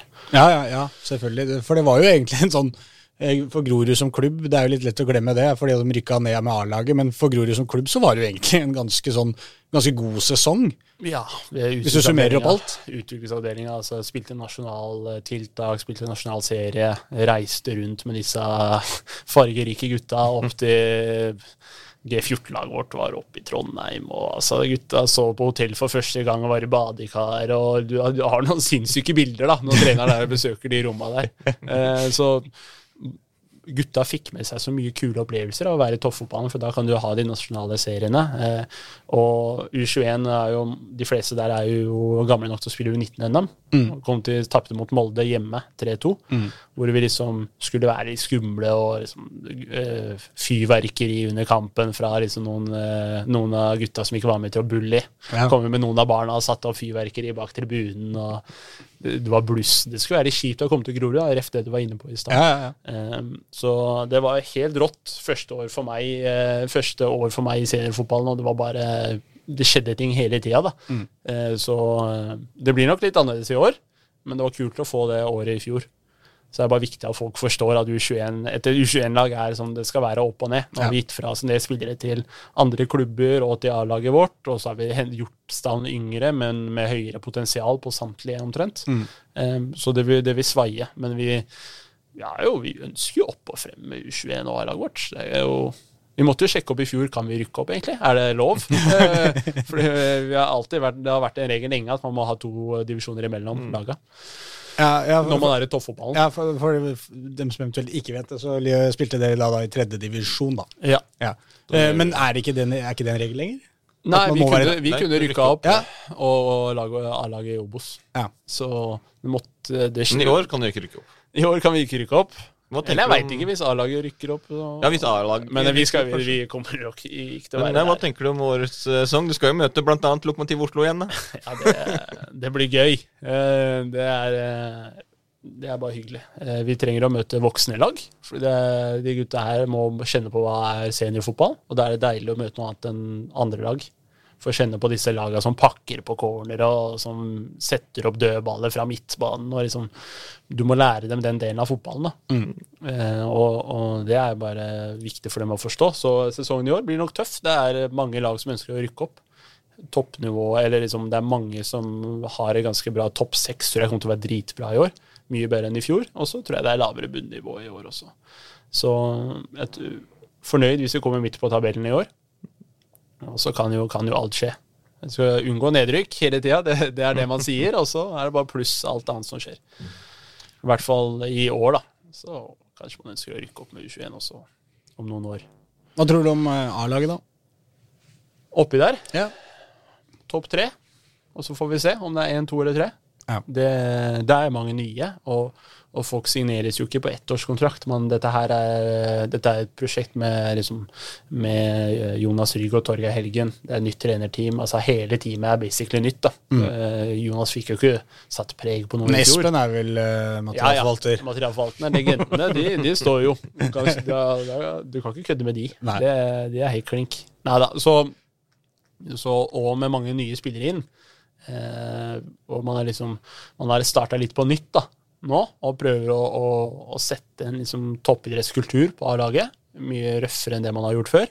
Og, eh, og så får vi jo bare se hvor fort det blir bra. Mm. Fordi man er ambisiøs. Hvem er de tøffeste utfordrerne til Grorud, tror du? Arendal. Mm. Arendal. Så vi får jo se. De bør jo tilpasse seg etter de eh, tapte 6-0 mot Skeid i, i kvalikkamp i fjor. Men eh, det er ikke alle som gidder det. Det er noen som står i det og, og bare skal jobbe deretter. Så vi, vi, vi får se. Arendal blir tøffe. Og så dukker det opp noen jokere her etter hvert. Så kan vi jo vi skulle, vi, eller? ja, For eh, jeg tenkte vi, vi hadde jo Vi var jo inne på at vi har fått veldig masse spørsmål på veldig kort tid her Ja, det var veldig mye av det. det. Andreas. ja. Men eh, da kan vi sånn- kjøre den første apropos Lyn, da. Som har sendt inn Vestkanttribunalet. Som eh, skriver han kan få lov til å tippe Lyn Jeg veit ikke om det skal leses med litt sånn, med litt sånn sint tone. Han kan få lov til å tippe Lyns tabellplassering igjen, og den kan godt være litt høyere enn en gørrkjedelig niendeplass denne gangen. Har, ikke, eh, har du tippa dem på, tippet dem på niendeplass forrige sesong, eller? Nei, ikke forrige sesong. Da hadde jeg vært klin gæren. Ja. Eh, nei, det var Vi gjorde en sånn oppsummering av sesongen eh, med A-lag og U21 etter sesongen i år. Ja. Så vi filma inn i desember, og da eh, sendte jo Grorud ut har du noen spørsmål. Da var det de hva tipper du, hva syns du om Lyn i år, bla, bla, bla, og hvordan kommer de til å se Eller hva, hva er det du tipper for neste år, da? For Ja, ja. Da sa jeg liksom ja, vi var dominerte spillet mot dem i første kamp vi møtte dem. Tapte 3-2 fordi vi skulle være litt modige og liksom rookie mistakes mot David Tavakoli mot en unggutt i boks. Det kan jo være litt brutalt. eh, og så ble de bedre utover sesongen, bla, bla, bla. Jeg tipper de kommer på ja, niendeplass, da. Det spørs hvor mye de forsterker. Ja. Og så har de forsterka litt, og, og så har de vært gode nå hittil i treningskamper, så Oi. jeg skal, jeg skal justere meg. Ja, ok. Ja, ja, ja. Det er jo å tippe Åttende, eller? Å tippe tabellplassering er jo generelt noe jeg ikke driver med, for det er jo bare Det er bare gjøgling. Er, Jo, jo, men det, men det er gøy. da hadde fotball vært uten litt gjøgling, da. Det er ingenting. Det er jo Ingenting. det er bare Eivind Kampen som vil forbi brassespark, liksom. Vi må ha det litt moro òg. Ja, det, da har vi vært på Grorud. Der er det mye alt mulig eh, sånt. Men eh, ja. Jeg tipper, jeg tipper eh, femteplass. Sjetteplass. Sjette. Ja, topp seks. Topp seks. da. Kan det være fjerdeplass òg, hvis det Men det kan bli alt. Ja, men det kan bli, men de er litt som, eh, litt som Fagermo har fått litt kritikk for òg. De er litt sånn e- enkle i spillestilen. Hvis du klarer taktisk å se hva de prøver på, så er det mulig å ta ut liksom eh, løpene og det ikke så komplekse systemet de prøver å sette opp da, når de har ball.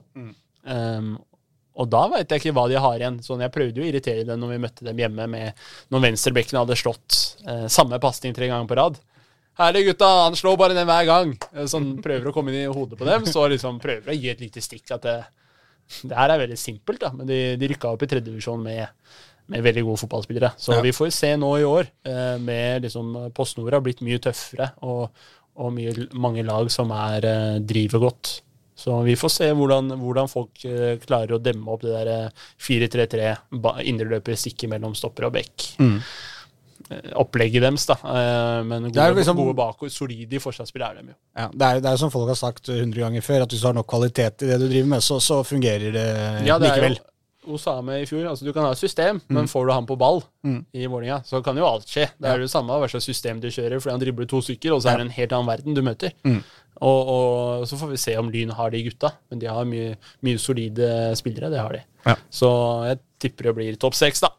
Skal vi Vil, Da vil skal du vi ta det siste laget også, da. Når det er der, første er der, Kjelsås. Oi!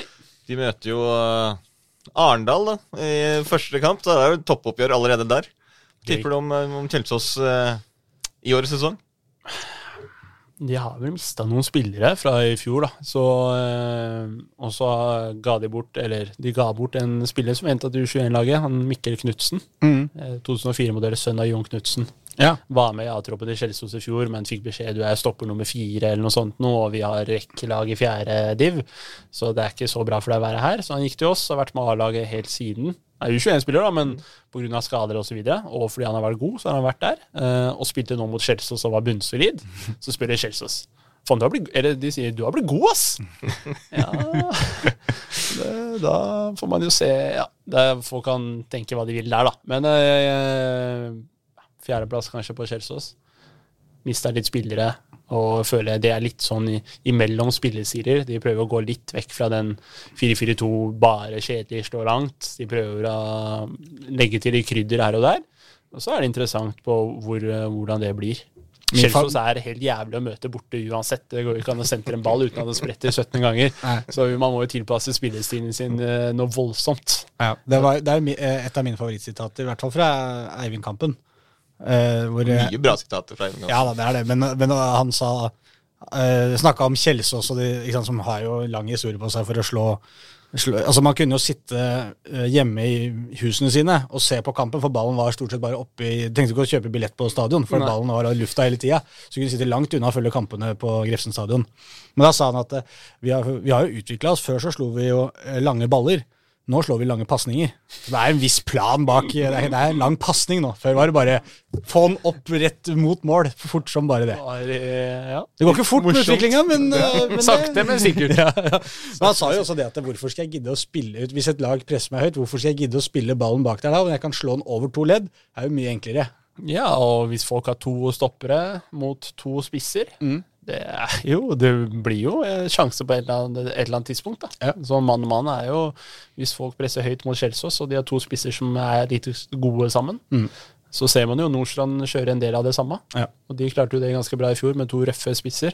Eh, og Kjelsås gjør det i hvert fall hjemme, hvor ballene kan sprette alle mulige veier. Eh, Så de må bare Det det, det jeg syns er gøy med fotball. Det er ikke noe fasit. Du, du spiller på den måten du mener du har størst mulighet for å vinne på, og så respekterer jeg det. Mm. Det, er bare, det, er bare, det er bare gøy. Ja. Eh, skal vi, vi må komme oss gjennom noen spørsmål her også. Ja, eh, skal vi rett og slett ta Du kan godt eh, henge deg på hvis du har noe nå, Pål, hvis du kikker litt underveis her. Men jeg kan starte da med Eirik Kjøne, da, siden vi har vært inne på han litt her. Gamle Grorud- Grorud-treneren. Ja, for han har vi jo prata litt nå om. Og han spør hvorfor var han alltid på taperlaget når vi spilte på tverra på U21-øktene før i tida. Da må jeg først eh, Altså, innrømme Han er vel altså deg. Ja, det er jo spørsmål Ja. til, eh, til herr Alrik her, men bare, først må jeg bare høre, hva, er egentlig på tverre? Er det sånn at du skal skyte og treffe tverrleggeren? Ja, det er jo helt uh, dust opplegg. Det var jo bare noe han hadde drevet med i- på Sørlandet eller i Skottland på en eller annen bakgård og, og tatt med hit. Han, han var jo ung trener på U21 og etter hvert ble assistenttrener på A-laget, men da, da tror jeg han bare var U21-trener, Ja. og var spillende U21-trener. da. Så Ja, han, hadde ikke problemer med at noen var ute, han. Nei. Så han var på en måte en av gutta, så, ja. men, men trener. Så han hata jo å tape. Så han, jeg tror han, eh, han satte nok opp lagene på forhånd på trening. Han, eh, på tverra det er at du dytter ned 11-målet. Ja. Dytter det rett ned. ja. Eh, og så skal du treffe tverra. Eh, Som er langs matta, da. Ja, Ja. den må sprette tilbake. Så spinner den opp, så er det ikke mål. Hvis ballen spretter tilbake i retning mot deg som skøyt, da er det 1-0, på en måte. Det er scoring. Eh, Hvis den spretter tilbake mot deg? Ja, hvis ballen går tilbake mot deg, Når tverra ligger ned på bakken, Ja. Bare sent, altså på sentra null, og så skal du bare gå rett tilbake igjen. Ikke sprette opp igjen i lufta. Ja, skal, og mange ganger hvis du slår en litt sløv pasning, og den, eh, så treffer tverra, så spretter den da bakover, eh, og ikke mot tatt Ja, sånn, skjøt. da. ja, riktig, og da er det ikke mål. Så det var jo Vi var ganske få på U21 den tida, da, fordi du skulle være en forlengelse av stallen. Ja. Og De gangene man trente alene, så var det fire mot fire, og så på tverra, da. Ja. Ikke keeper. Og Da spilte jo han og satte opp lagene, og hvis vi leda som var på motstanderlaget 2-1, da varte jo kampene dritlenge. Treninga ble ikke ferdig før laget hans. Og da var det plutselig tid. Ja. Så han var en drittsekk. Eh, men det, Så svaret er hvorfor han alltid var på taperlaget, svaret er altså fordi han er en drittsekk. Eh, Eirik Skjøne er en drittsekk, det er det. Eh, det er han, men han, eh, det var jo det største møtet, eller tøffeste møtet eller liksom toppfotballen for meg. Han var liksom en jeg lærte mye av. Vi var ganske like med at vi hadde liksom temperament, vi hadde vært spillere, han selvfølgelig på mye høyere nivå. Men han var ikke den kontrollerte sørlendingen som noen trodde en periode han var. Han var litt sånn gæren, eh, og jeg kunne relatere til mye av det. Så når han plutselig gikk til Stabæk, så var jeg det wow. Det var sårende. Drar du fra oss, liksom? Ja. Eh, så da fikk jeg møte med toppfotballen. Ok, det er sånn det funker. Ja. Folk blir borte og liksom, kan ikke bli for knytta til mennesker heller. Eh, så det var en viktig lærdom. Eh, Eirik han var vikt, dritviktig for Grorud. Eh, og han var en, eh, lærte oss mye. Eh, men han var kynisk jævel. Han er, han er sånn fyr som, som du blir ordentlig redd. Fordi at han, som du sier, han, er, han ser veldig søt og snill ut. Eh, han er ikke noe skum, det er ikke noe skummelt på en måte å gå inn på kontoret til eh, Eirik Kjøne, egentlig. øh, men det er sånne folk, når de blir sure, da føler du at det er alvor, ass. Ja, det, Han hadde jo temperament, han. Så Ja. jeg spilte noen Grorud 3-kamper når vi liksom begge hadde trappa ned med fotballen og vi var trenere. hvor det, ja. Smalt. Ja, herregud, for en ufyselig motspiller han var. Enda mer enn han trappa ned. Hvordan? Det var interessant å ha treneren din i U21 liksom, og spille med han, for det ga deg en lærdom på banen som var litt unik. Men på Grorud 3, da, i sj- sjuende div, så var han liksom en drittsekk og filma og skulle ha gult kort på folk. Det var jo helt utrolig å se på. Jeg måtte nesten Jeg som er ganske konkurranselysten, jeg måtte bare riste på huet noen ganger. Ja, for det var øh, det, det var på en måte ikke noe tull i det heller. Nei, det var altså han ble forbanna, eh, og, og han skulle filme på seg folk, og andre ble forbanna på han. Og liksom, Det var en annen type, liksom Jeg er fra Groruddalen, så det, liksom, det smeller jo på, på når man spiller fem mot fem på Løkka og sånn. Ja, ja. Men her var det en annen, eh, annen type ja. Hadde han vært med i en sånn fem mot fem-variant rundt på Stovner eller noe sånt, så han hadde fått juling. Han kunne fått det tøft. Men, Det er vel ikke eh, bare han nå. Vi har fått et spørsmål her fra Petter Tangerud. Hva synes Alrek om egen albuebruk på fotballbanen? Ja, var, det ikke, en- var det ikke to spørsmål om han, hva syns han om albuebruk også? Var det noen Nei, som det, spurte var, om? det kan ikke være noe flere. Jeg tror det var to, i hvert fall to. Nei, du, nå, nå prøver du å bygge opp til noe. her. Prøver å lage et image. av Nei da. Jeg var, eh, det jeg likte som fotballspiller, var å takle jævlig hardt på ball. Nei, Nei. på ball, eh, sånn at det ikke blir frispark, men spilleren fikk vondt. Ja, ja. Fordi da er det lov, og han blir sur for han ikke får frispark, og jeg Ja. kan smile til han mens han reiser seg. Sånn være sånn ekkelt og liksom, skape en kamp i kampen også, det betyr litt ekstra. Ja, jeg, jeg sånn- kjenner at jeg ser på, ser på trynet ditt, og han hadde takla meg så jeg fikk vondt, han smilte til meg. Så hadde jeg jo slitt litt, kjenner jeg. Ja, det, og sånn er jeg litt som trener òg, men jeg kan ikke drive og takle folk. Men jeg kan være ekkel på andre måter, da. Kaste med glimt i øyet. Nei, med glimt i øyet. Noen kommentarer som, er til min, som jeg sier til mine spillere, men som er indirekte til motspillere. Som er høyt nok så at alle hører det. Ja, det må være høyt nok. Ja, ja han, så han på det Tangerud gikk jeg på barne- og ungdomsskole med, så han eh, Vi spilte vel noen dør, da, så knakk jeg tanna hans med et duell.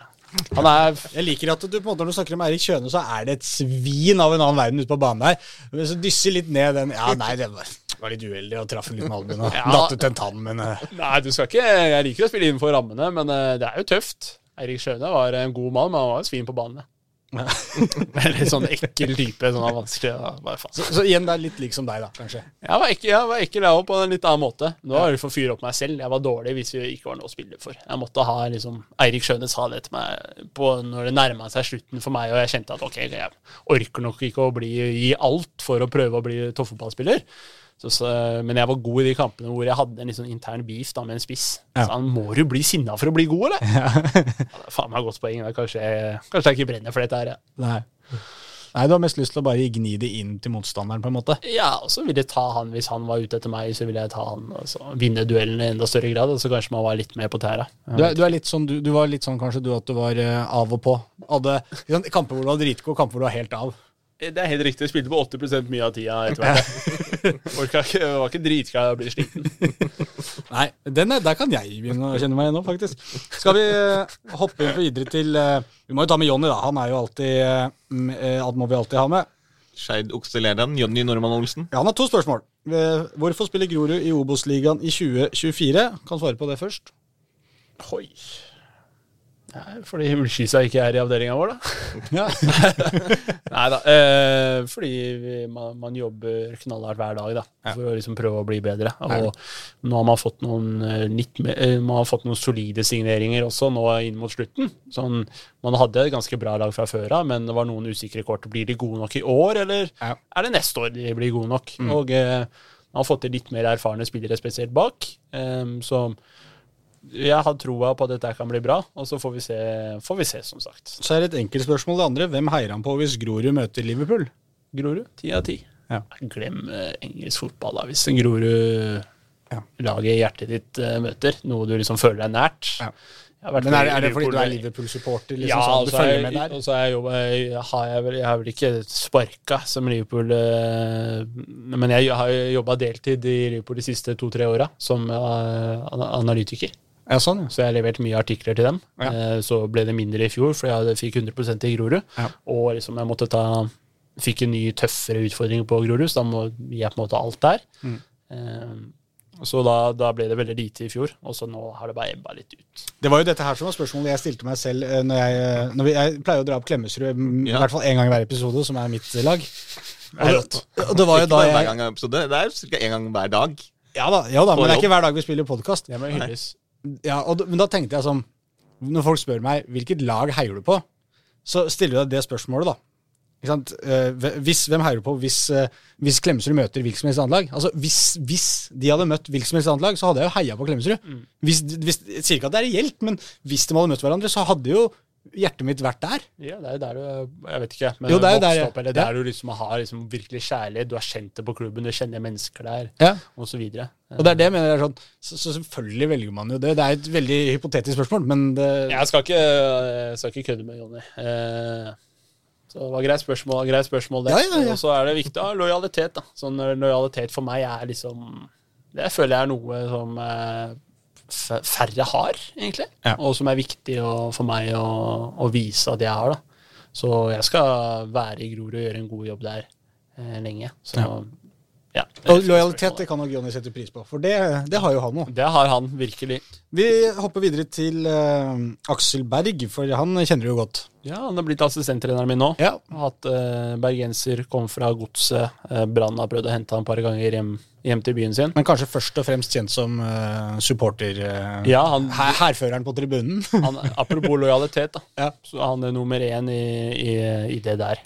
Han, all creds til han, og han eh, hadde det U16, det 06 skulle jeg snakka om. Han har hatt dem lenge, og, og det, det ser man nå. De begynner å komme opp. Han brenner virkelig for gutta. Han er god på å se hvem de er. Um, og har blitt nå assistenttreneren min på U21. Ja, han spør eh, Du kan godt ta det litt eh, Vi har vært innom mye av dette, men hvilke feller går mange unge spillere i? Ta, høre på feil folk, da. Ja. De tar råd, eller eh, tror liksom kompisene har det riktige svaret. Mm. Hei, hvorfor spiller du ikke? Finn deg en ny klubb. Du tok jo den luka i går. Ja. Ja, Det er ikke luka som er viktigst, bla, bla, bla. Og så, eller agenten din sier det er lurt å være der og der og der. Men han er jo, agenten er jo med deg for Du er en business da, for han. Han kan tjene penger på deg. Mm.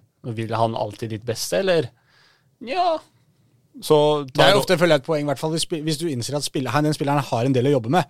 Men kommer et lukrativt, og, og kanskje agenten ikke har så mye tro på spilleren sin, faktisk, da, og tenker at ok, her kommer det et lukrativt tilbud som faktisk var mye bedre enn jeg trodde. Her er det mulig å få litt penger kanskje ut av denne spilleren. da, Så har jeg i hvert fall sikra meg de penga. Så hvis det ikke blir noe annet videre, så, så har jeg i hvert fall gjort det.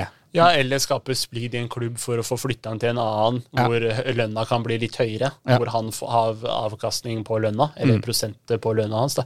Så ta råd fra feil, eh, feil folk. Eh, så det er jo apropos å ha et greit støtteapparat. Da. Eh, og være utålmodig. Det er jo en greie. Man skal være tålmodig, eh, men utålmodig samtidig, eh, som fotballspiller. Det er viktig å liksom være, være kritisk til seg selv. Da. Ikke, ikke måle seg opp til sine venner som kanskje har fått det til i Vålerenga i samme alder. Kanskje det tar to-tre år lengre tid med deg, da. ja. Han spør også om favorittkrydder på fotballbanen. Jeg vet ikke helt dette med krydder. Jeg så det var et annet spørsmål om noe krydder på noe kylling noe pitabrød. Ja, det er to, to forskjellige. Det, Ja, okay. det er jo Hva- hva- Pitabrød der er det bare Jeg ga et råd til han gjøken der om noe han kunne putte på. Han, eh, som, er, eh, som eh, jeg digger. Men uh, krydder på fotballbanen det er fordi Elias Aareflot sa jo dette her var nye favorittordet hans da han hadde takeover på Insta i fjor på, på Grorud. da. Det var jo krydder. Ja. Alrek eh, snakker om krydder. Liksom. Vi må ha noe krydder på banen. Ja. Altså liksom kan ikke bare ha salt, Vi kan, eh, kan ikke bare ha salt og pepper. Vi må ha noe, vi må ha noe å by på her. Ja. Vi må krydre litt nå. Liksom nå har vi ligget i lavt press lenge. Nå må vi, vi må ha noe mer. Så jeg vet ikke Cayennepepper er kanskje bra krydder på banen. Litt sånn sterkt og eksotisk, men det er liksom punch i det. Det er skikkelig trøkk, ja. Ja, så jeg veit ikke. Det er vanskelig å svare på det der. Ja. Hva, hva er det som overrasker folk mest når de kommer på innsiden av Grorud? Men det har vi kanskje vært litt innom. Ja. At, eh, Faglig kunnskap og kjærlighet, tror jeg. Og det siste han spør om, er topp tre spisesteder i Oslo. Men det vet jeg ikke. Er du matmann? Ja. Ja. Jeg er glad i å spise ute, da. Ja. Eh, det er en sånn greie er glad i å spise gjør. og ikke lage? Ja, og så har man kanskje ikke så mye tid, og så har man venner i Groruddalen som jeg vet ikke, de er opptatt av å bruke cash. Så man har jo så, man har venner som har alltid vært mye ute og spist. da. Ja. Um, så det er jo en greie man gjør for å møte kompiser òg. Eller innom stoppen går på vei hjem fra Grorud, liksom. Det er fast. Så topp tre spisesteder, den er eh, Gandhi på Majorstua. Indisk variant som er litt sånn annerledes enn de andre. Ok. El Camino, eh, meksikansk på Majorstua. Nei, på Solli plass. Den er litt sånn enkel, eh, men god. Ja, Den det, kan li- du det velge- ligger vel faktisk en i Bjørvika, tror jeg. Ja, da kan du velge, det er litt som Subway, du kan velge hva du skal ha Ja. på, og du kan velge mengde selv. da. Så Ja. jeg prøver jo å jobbe mot eh, rekorden min hver gang, av antall gram her. Ja. Klarer hun å rulle det nå? Ja. Og så nummer tre er vanskelig. Jeg må, må kanskje ta stop and go, da. Lokale på Kallebakken der. Dri- Er fullt der hele tida. Høy kvalitet på den asiatiske der. Er det altså. sushi Det er uh, asiatisk, altså. Det er uh, Litt alt? Ja. Det, det er my mye god mat der, da, Ja. eh, for en grei penge. Ja. Så jeg har ofte tatt med mat der istedenfor å gå hjem og kokkelere, og så blir det dyrere fordi du tar med deg en uh, drikkevare, en sjokolade og alt mulig. Ja. Så må være støtte, apropos lojalitet, du må støtte det, det lokale. Eh, Tor Olav Delgado. Eh, du begynner å le. Det kom en tweet om noe vin og Hvor pinlig berørt blir han av å bli kalt den nye vinen i norsk trenerstand? For det første, har du blitt kalt det? Han, han kalte Han meg det på søndag, søndag ettermiddag. Jeg tenkte når jeg måtte sjekke når han la ut tweeten. da. Er det liksom lørdag natt? Eh, Legger du tweet om at eh, treff, eh, hadde, treneren til Treff har gått til Jerv som assistenttrener. Ja. Og han bare Ja, nå har Moldes neste trener gått til Jerv. Og det er tjenesteforsømmelse av treff, eller ikke ringe den nye vinen i trenerstanden. Bla, bla, bla. Ja, ok. Tenkte jeg, hva faen, eh, hvor kom dette fra? Midt på, midt på en søndag. Men eh, det er jo sånn Groruddør det er, da. Vi, eh, man er gode på å fremsnakke hverandre.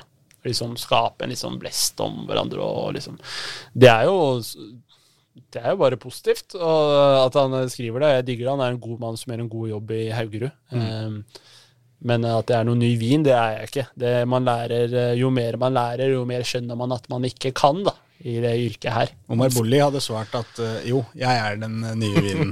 Det er helt korrekt. Det er lettere å si som fotballspiller. Du skal bygge et image, han kan bare gå ut og trylle. Eh, trenergreiene, så kan du plutselig tape fem ganger på rad med, med forskjellige Med uflaks med ett mål, og så plutselig er du sparka. Altså, liksom, det er eh, det er små marginer i treneryrket, og folk forstår ikke at eh, Eller det virker ikke som det er mye god ledelse som har kunnskap om fotball rundt omkring i Norge, fordi man må skjønne at trenere trenger tid for å sette sette ja, få ting til å funke. da. Sette spillet sitt i, i, på det rundt laget. Oddbjørn Nøstrud hadde et litt eh, Han har flere spørsmål, vi har vært innom mange av dem her. Men topp tre spillere som du har trent? Oi. Er det litt sånn eh, Skal jeg jeg må ta Grorud, da. For jeg har jo hatt landslaget til Christos, Oscar Bob og Antonio Nusa. Ja. Det, så det, De, det er ganske sjuke spillere. Oskar Bob skåra i eh, går, så jeg, var det i går? UFA Youth League. Ja. Ja, han er god nok til å spille. Få han til Nederland et eller annet, da. Eh, men, Han har jo eh, vært helt vill i er Premier League 2 nå. Han, Han er ikke, hva var det han hadde? Tolv assist eller noe sånt der borte nå, tror jeg? Han herjer jo, ja. og man så jo det fra Man hadde en samling før han eh, dro til Premier League til City, og så hadde man en ny samling to-tre måneder etterpå og kom tilbake liksom mye mer biff. Jobba i forsvaret, var nede og takla. Liksom. Dette her så man ikke bare for tre måneder siden. Man kom også tilbake og spurte ja, har vi sånn der eh, kjølegreier rundt låret. og liksom har vi Så han har lagt i seg noen vaner. ja, ja. Nei, men uh, Christos har man vært borti. Ja. Elias Aarflot. Ja. Tollef Etholm. Ja. Det er liksom uh, tre ganske solide spillere uh, som har uh, To er helt sinnssykt mentalt sterke eh, og liksom eh, jobber knallhardt 24-7. Og så Tollef eh, jobber nok ganske hardt, han også, men han har noe litt sånn litt mer krydder ved seg. da. Ja. Han er litt mer leken enn de andre. Hvor mye kan vi få se han, tror du, på laget denne sesongen? tipper han starter eh, over halvparten av kampene. Ja. Hvis han holder seg skadefri og sånn. Mm. Så han har begynt å forstå noe litt mer kravene i forsvarsspillet. Og eh, ja, han kokte nok på meg et par ganger i fjor. Eh, så tror jeg han hadde godt av det, og han har eh, begynt å kjenne det på kroppen og høre det fra lagkamerater hvis han ikke gjør jobben og sånn. og sånn det, det også hjelper jo, og så venner han seg til å trylle på et høyere nivå ganske fort. da. Og han gjør ting, eh, han gjør ting folk ikke forventer. Ja. Så han tror, jeg, han tror jeg kommer til å være god i år. Bra. Da har vi det neste spørsmålet. Det er Ha, Godt du vil ha, ja, det, var det til? Ja, tanker om loff og banan som lunsj i toppfotballen? Altså, det, synes jeg, er det var den du ville ha, egentlig. Det er litt krydder det i sendinga. Ja, det er, det er litt Det er cayennepepper i sendinga. Det er jo Jeg vet ikke helt hvor mye jeg skal gå inn på det der, men han, Jo, han spiser jo faen meg det. øh, Han, Oddbjørn er keepertreneren min. da Han Ja. er jo veldig Han er jo talent innenfor politikk. Var så nær, han var supernærme med å komme inn på Stortinget eh, i fjor, vel. Altså Enten som eh, på superliten stilling som keepertrener istedenfor. så uh, Det hyller vi. Han, han, han har jo han sier selv dette er det beste livet mitt har vært på lenge. Vært inne i det her. Så Så fikk han et kult år i fjor, da, med fotball, med NM på Skagerrak Arena, NM Molde osv. Men eh, han spiser mye loff og banan. Altså, er, Men jeg skjønner ikke, er Altså, det kombo, liksom? ja, Banan ja, på loff? ja, nei, banan i den ene hånda, loff i den andre. Tror okay. jeg var sånn kjapt og gærent. Og, og Man må kjøre Og bananen kører- ned i loffen, er det mulig? ja, det faen, det. Oddbjørn, hører du nå, så det er tips til deg. Uh, Så er det ingen som ser det, da, så blir det ikke noe prat om det, liksom? Bare Nei, hjemme. men eh, banan er jo noe eh, sånn somaliere spiser mye og sånn. Så jeg sa faen, du har jo folkeslag som hadde digga det her. Ja. Du, nå kunne du glidd rett inn. Ja. Så man, liksom, man har jo kødda med en del, men banana er jo godt, det. så jeg, jeg kan respektere det. jeg kan, jeg kan respektere det. Billig og grei eh, frokost òg. Som lunsj i toppfotballen. Så er det, du respekterer. Det er jo- det er den der Grorud-formen igjen. Det får gå, liksom. Vi har, han har litt litt å jobbe med, men uh, Bare ikke spis det foran spillerne. Jeg ser han nå gikk inn fra oppvarming nå i treningskamp, og så hadde han banan i kjeften. Og så jeg faen, må må du spise hele tida? Kan, du gå- kan du gå rundt i ørene, eller så nå, er, nå skal vi liksom få på oss klærne ute og varme opp. Vi må ha en viss sinnstilstand i den eh, garderoben her nå. Jeg kan ikke trynet ditt være fullt av loff og banan. Nei. Da, jeg skjønte det, da. Han er jo en lang jævel, så han trenger jo mye, mye næring. Ja. oi, eh, Hvilken eh, eh, Har vi noen flere her, da? Hvilken Ja, Tito junior. Om du har noen innøvde cornere, jeg vet ikke, er det noe du driver med, eller? Vi hadde, det, vi hadde det før, og så, så ydmyk har jeg kalt det bare Alrek-varianten, som er etternavnet mitt. Ja, så, det er og, ydmykt. og vi, eh, når vi rykka opp med U19 eh, junior, da, som var liksom laget jeg hadde hele tida i Grorud, Mm. eh, før U21, så avgjorde vi noen kamper på Alderek-varianten. Skåret fem ganger på den på en sesong. Det er ganske sterkt. Ja, hva, hva, eller er det noe hemmelighet du kan ikke røpe? Slå ut 45, første hopper over, og andre scorer. Med foten? Ja. Lavt? Ja, Lavt, langs bakken. Ja. Og så Ja, det blir dumt å hoppe over en høy ball, kanskje. Ja, det hadde vært litt bom. Men uh, da nikka han, da. Men jeg jeg var på samling med, siste samling jeg var med 2005-kullet i fjor. Eh, Da møtte vi jo Polen ganger to borte. Gunnar Halle blir, eh, som er hovedtrener, han får korona dag to eller noe sånt, og så har han holdt seg på rommet. Det er kjipt. Jeg blir assistenttrener. Jeg ble flytta fra kjipt. analytiker til assistenttrener. Å, fy faen. Dette er, nå må jeg bare kjøre på. Ta, Ta plass. Ta plass og bare kjøre noen grorøvelser her og rope ut noen greier og sånn. Ja, ja. Da fikk jeg dødballansvar. Gutta, i dag trener vi på Alrek-varianten. Vi roper Aldrek, og så er det sånn her vi gjør det. Mot Polen, da. 0-0. Ser jeg gutta rope Alrik. Jeg snur meg, for jeg har glemt at det, det er en variant Ja, du som vi har jobbet med. Jeg bare, faen er det... Ja, ok, de skal sette i gang varianten min nå. Ja. Så scorer vi faen meg 1-0. Og vi har hatt, vi har hatt mye Hvem tap. Jonas Storsvik. Det var også venstrebekk i Brann. Det var også veldig sånn Gutta bare Hvorfor skal du sette Hvorfor skal han skyte? Hvorfor skal ikke en av spissene? Så jeg må han ha bra venstrebein. Men han er ikke ofte i de situasjonene, så jeg bare nå Nå er det jeg som styrer, gutta. Dette er Alrek-varianten, tross alt. Og jeg er. og, og jeg, jeg er Alrek. eh, Og jeg heier på Brann i tillegg. Altså, jeg vokste opp, faren min er bergenser, og sånn, så jeg har tilknytning til Brann. Ja, okay, Ja. så det, kanskje det spiller inn. I hvert fall de roper Alrek-varianten. Skårer. Peker mot benken og Fy faen, Alrik, vi fikk det til, og liksom Og så hører du bak kameraet eh, Siden jeg er assistenttrener, så ble jeg tiltakslederen. Han er, eh, han er den som filmer. Så står han med noen fra 03-landslaget, da. For de var i Marbella samtidig. Så de ser på kampen, og så sier han å, fy faen, dette er ikke bra for Alrik'. Dette går rett i huet på ham. Så du, ja, du hørte på video etterpå? Om jeg har hørt på det? Ja, ja, ja du hørte det ikke der og da, mener jeg. Jo, jeg, jeg hørte det etterpå, ja. Ja, ja. Det, var, det gjorde det enda bedre. Så jeg har tatt ut det klippet der gutta roper Alrek og scorer og peker mot meg, og han i bakgrunnen. Og Ja, men de hadde jo rett, da. Det gikk jo rett i huet på deg. Selvfølgelig! Ja. Du elsker sånt! Må mate meg med noe greier siste samlinga mi i tillegg. Må bare være litt sånn eh, by på seg sjæl litt. da. Så kommer det noen nye Alrek-varianter, da? Ja, altså nå ringte Luis Pimenta meg i går, da. Så skal jeg være med landslaget 2004 til eliterunden for å kvalifisere til- til EM Ja. i Frankrike. Så det, det laget der er jo skikkelig bra. Ja.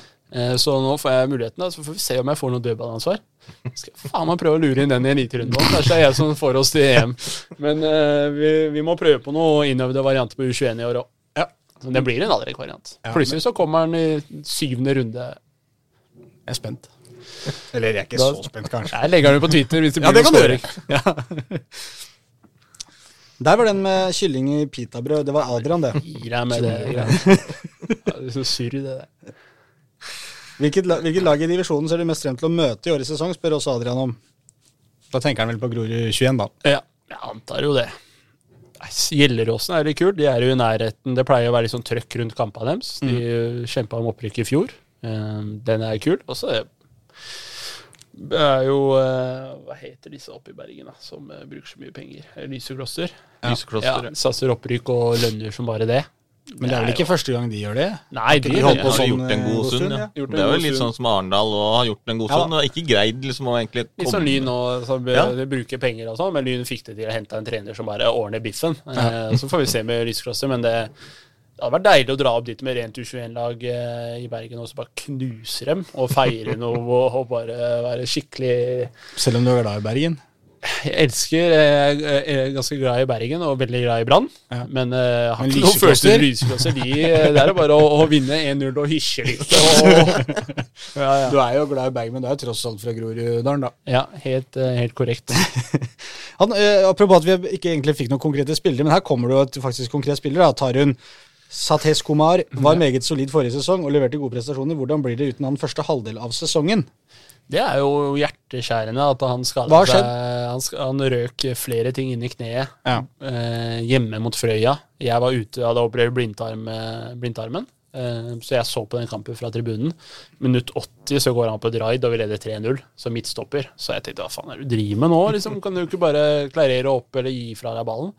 Så blir han, eh, snubler han og takler. Jeg prøver på noe skikkelig dumt og ryker masse greier i kneet. Han har da vært, syns jeg, da, bedre enn Elias Aareflot fram til Elias dro.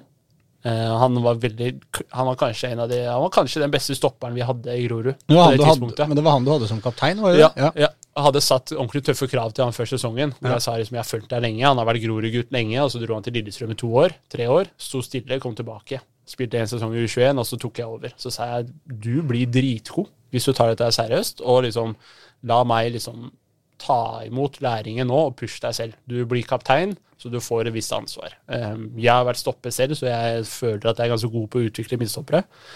Og vi var på rett vei. Han var kanskje den beste midtstopperen per dags dato da. Mm.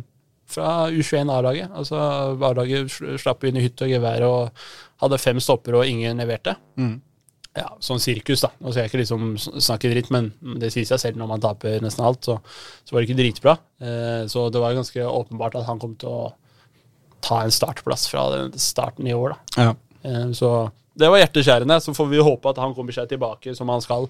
Eh, fordi han er en Grorud-gutt. Faren sitter i styret, og liksom, det er en god familie. da. Eh, så vi bare håper på det beste der. Eh, så får vi se. ja. Hvor gammel er han? Han blir 21 i år. Så det er litt sånn, litt sånn samme som Bolli, nesten, da, hvis du drar han igjen. Altså sånn eh, Ja, med skadehistorikk, plutselig ute lenge og Samme som Bulli. Eh, litt sånn Ikke samme type, men begge var liksom slappe og liksom hadde mye naturlige ting. da. Ja. Så de var like gamle. og Ja. Så vi får se. Eh, Det var, eh, Nå nærmer vi oss slutten her, men for å ta på tampen her, du, vil- du syns jo denne her var litt deilig. Du hadde fra Dønning Krykker, står det.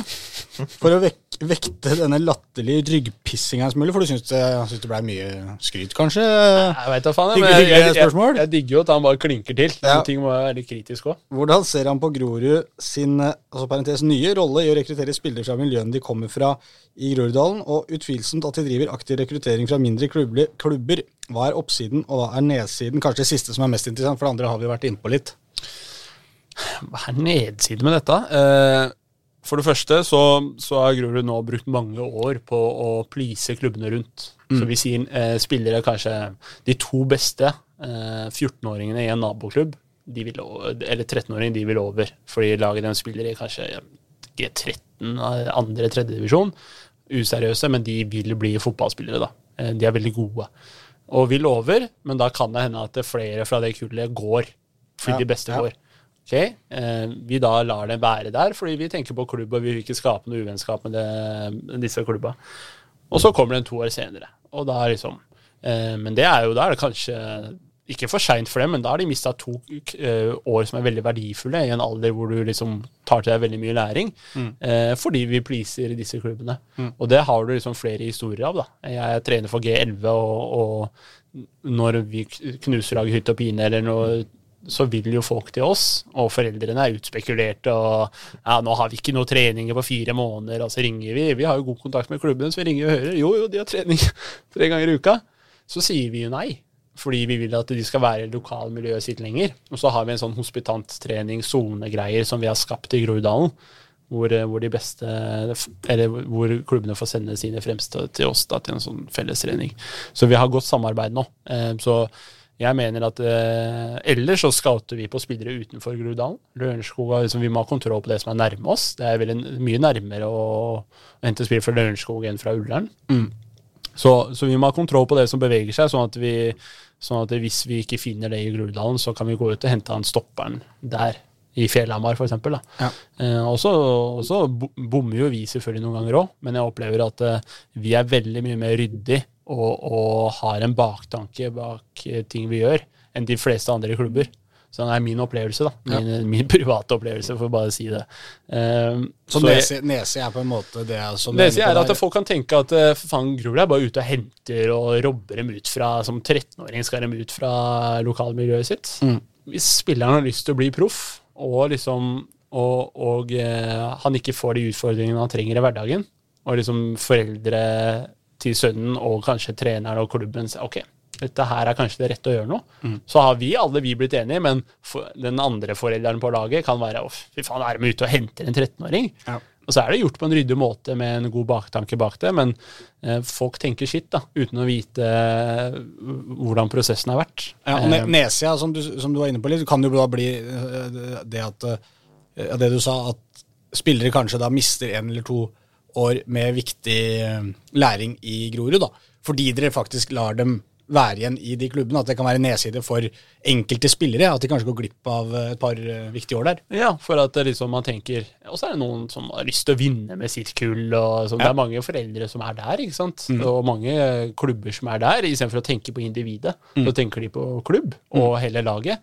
Og lag kan jeg forstå. Hvis laget faller sammen, hvis de drar, så må vi se på det. fordi vi, tjener jo på at eh, alle, lag, alle kull har lag i Groruddalen. For vi vil ønske at Groruddalsfotballen blir bra. eh, og kompetitiv så, lenge, så langt som mulig. Eh, så vi, vi, jeg, jeg syns vi gjør rollen vår ganske bra i Groruddalen nå, uh, og treffer nok på sånn 90-95% av tilfellene. Så bommer vi nok vi også her og der, og det må være ydmyke på. Og, og det er en ganske god kultur på Grorud for å lære av feilene vi gjør. Ja. Vi er knallærlige og tøffe med hverandre. Og det er litt av grunnen til at vi har kommet oss opp og frem så fort òg. Ja. Jeg tror vi må runde av. Det har blitt en veldig lang episode. Men øh, vi kan jo sånn helt øh, avslutningsvis ta det aller siste spørsmålet. Det var fint å runde av med fra Robin Steffens, som spør bare enkelt og greit hvor ser du deg selv om fem år? Jeg er hovedtrener i Grorud, i toppen av Obos-ligaen. Toppen av Eliteserien? Nei, Det er litt tidlig. Toppen av Obos må vi ta, og så er det et eh, pluss hvis vi er over der. Men eh, Ja, er jeg, det, drømmen er jo at vi, vi får Grorud opp og nikker, og at eh, jeg kan stå der hvor det betyr mye Ja. å være trener. Men samtidig så skjer jo ting. Og det er andre trenere som kommer inn og er gode. ikke sant? Så liksom, plutselig så er jeg en helt annen klubb om fem år. Plutselig har Brann banka på døra og, og er klar. ikke sant? Neida, Det skjer men- fort i Brann, da. Det, Ja, så det er jo Ja. Vi, vi veit ikke, men eh, man skal opp og frem, og man har fått smaken på dette her. Og så har man blitt ydmyket på at det finnes mye flinke folk der ute, da. Ja. Eh, men også blitt litt sånn overraska av at noen ganger, noen steder på ganske høyt nivå, så er nivået lavere enn først antatt. da. Ja. Eh, så har det vært interessant å være i de forskjellige toppmiljøene og se hva er det de gjør, da. Men sånn du ser for deg nå, så hadde det vært uh, gøy om du var på en måte den som tok over når uh, rygget er ferdig, da. Når eventuelt det hadde vært. Ja, det Absolutt. Ja. Så om jeg har sagt det hele tiden, jeg skal være hovedtrener i Grorud, og så tar vi det deretter. Om Ja. det blir ti år eller om det blir to år, det får vi se. Um, men uh, ting kan jo oppstå. Så noen ganger må man bare sørge selv for at utviklinga skjer. Ja, hvis hvis ikke, hvis ikke andre gir deg det, så må du ta det selv, da. Men det er det du på en måte Det er en drøm du har som på en måte er ganske realistisk, og ikke så fjern, på en måte heller, da. Ja, det kommer jo til å skje. At jeg blir A-lagstrener i Grorud. Med mindre noe drastisk skjer. Ja. Ja. Kjempehyggelig prat.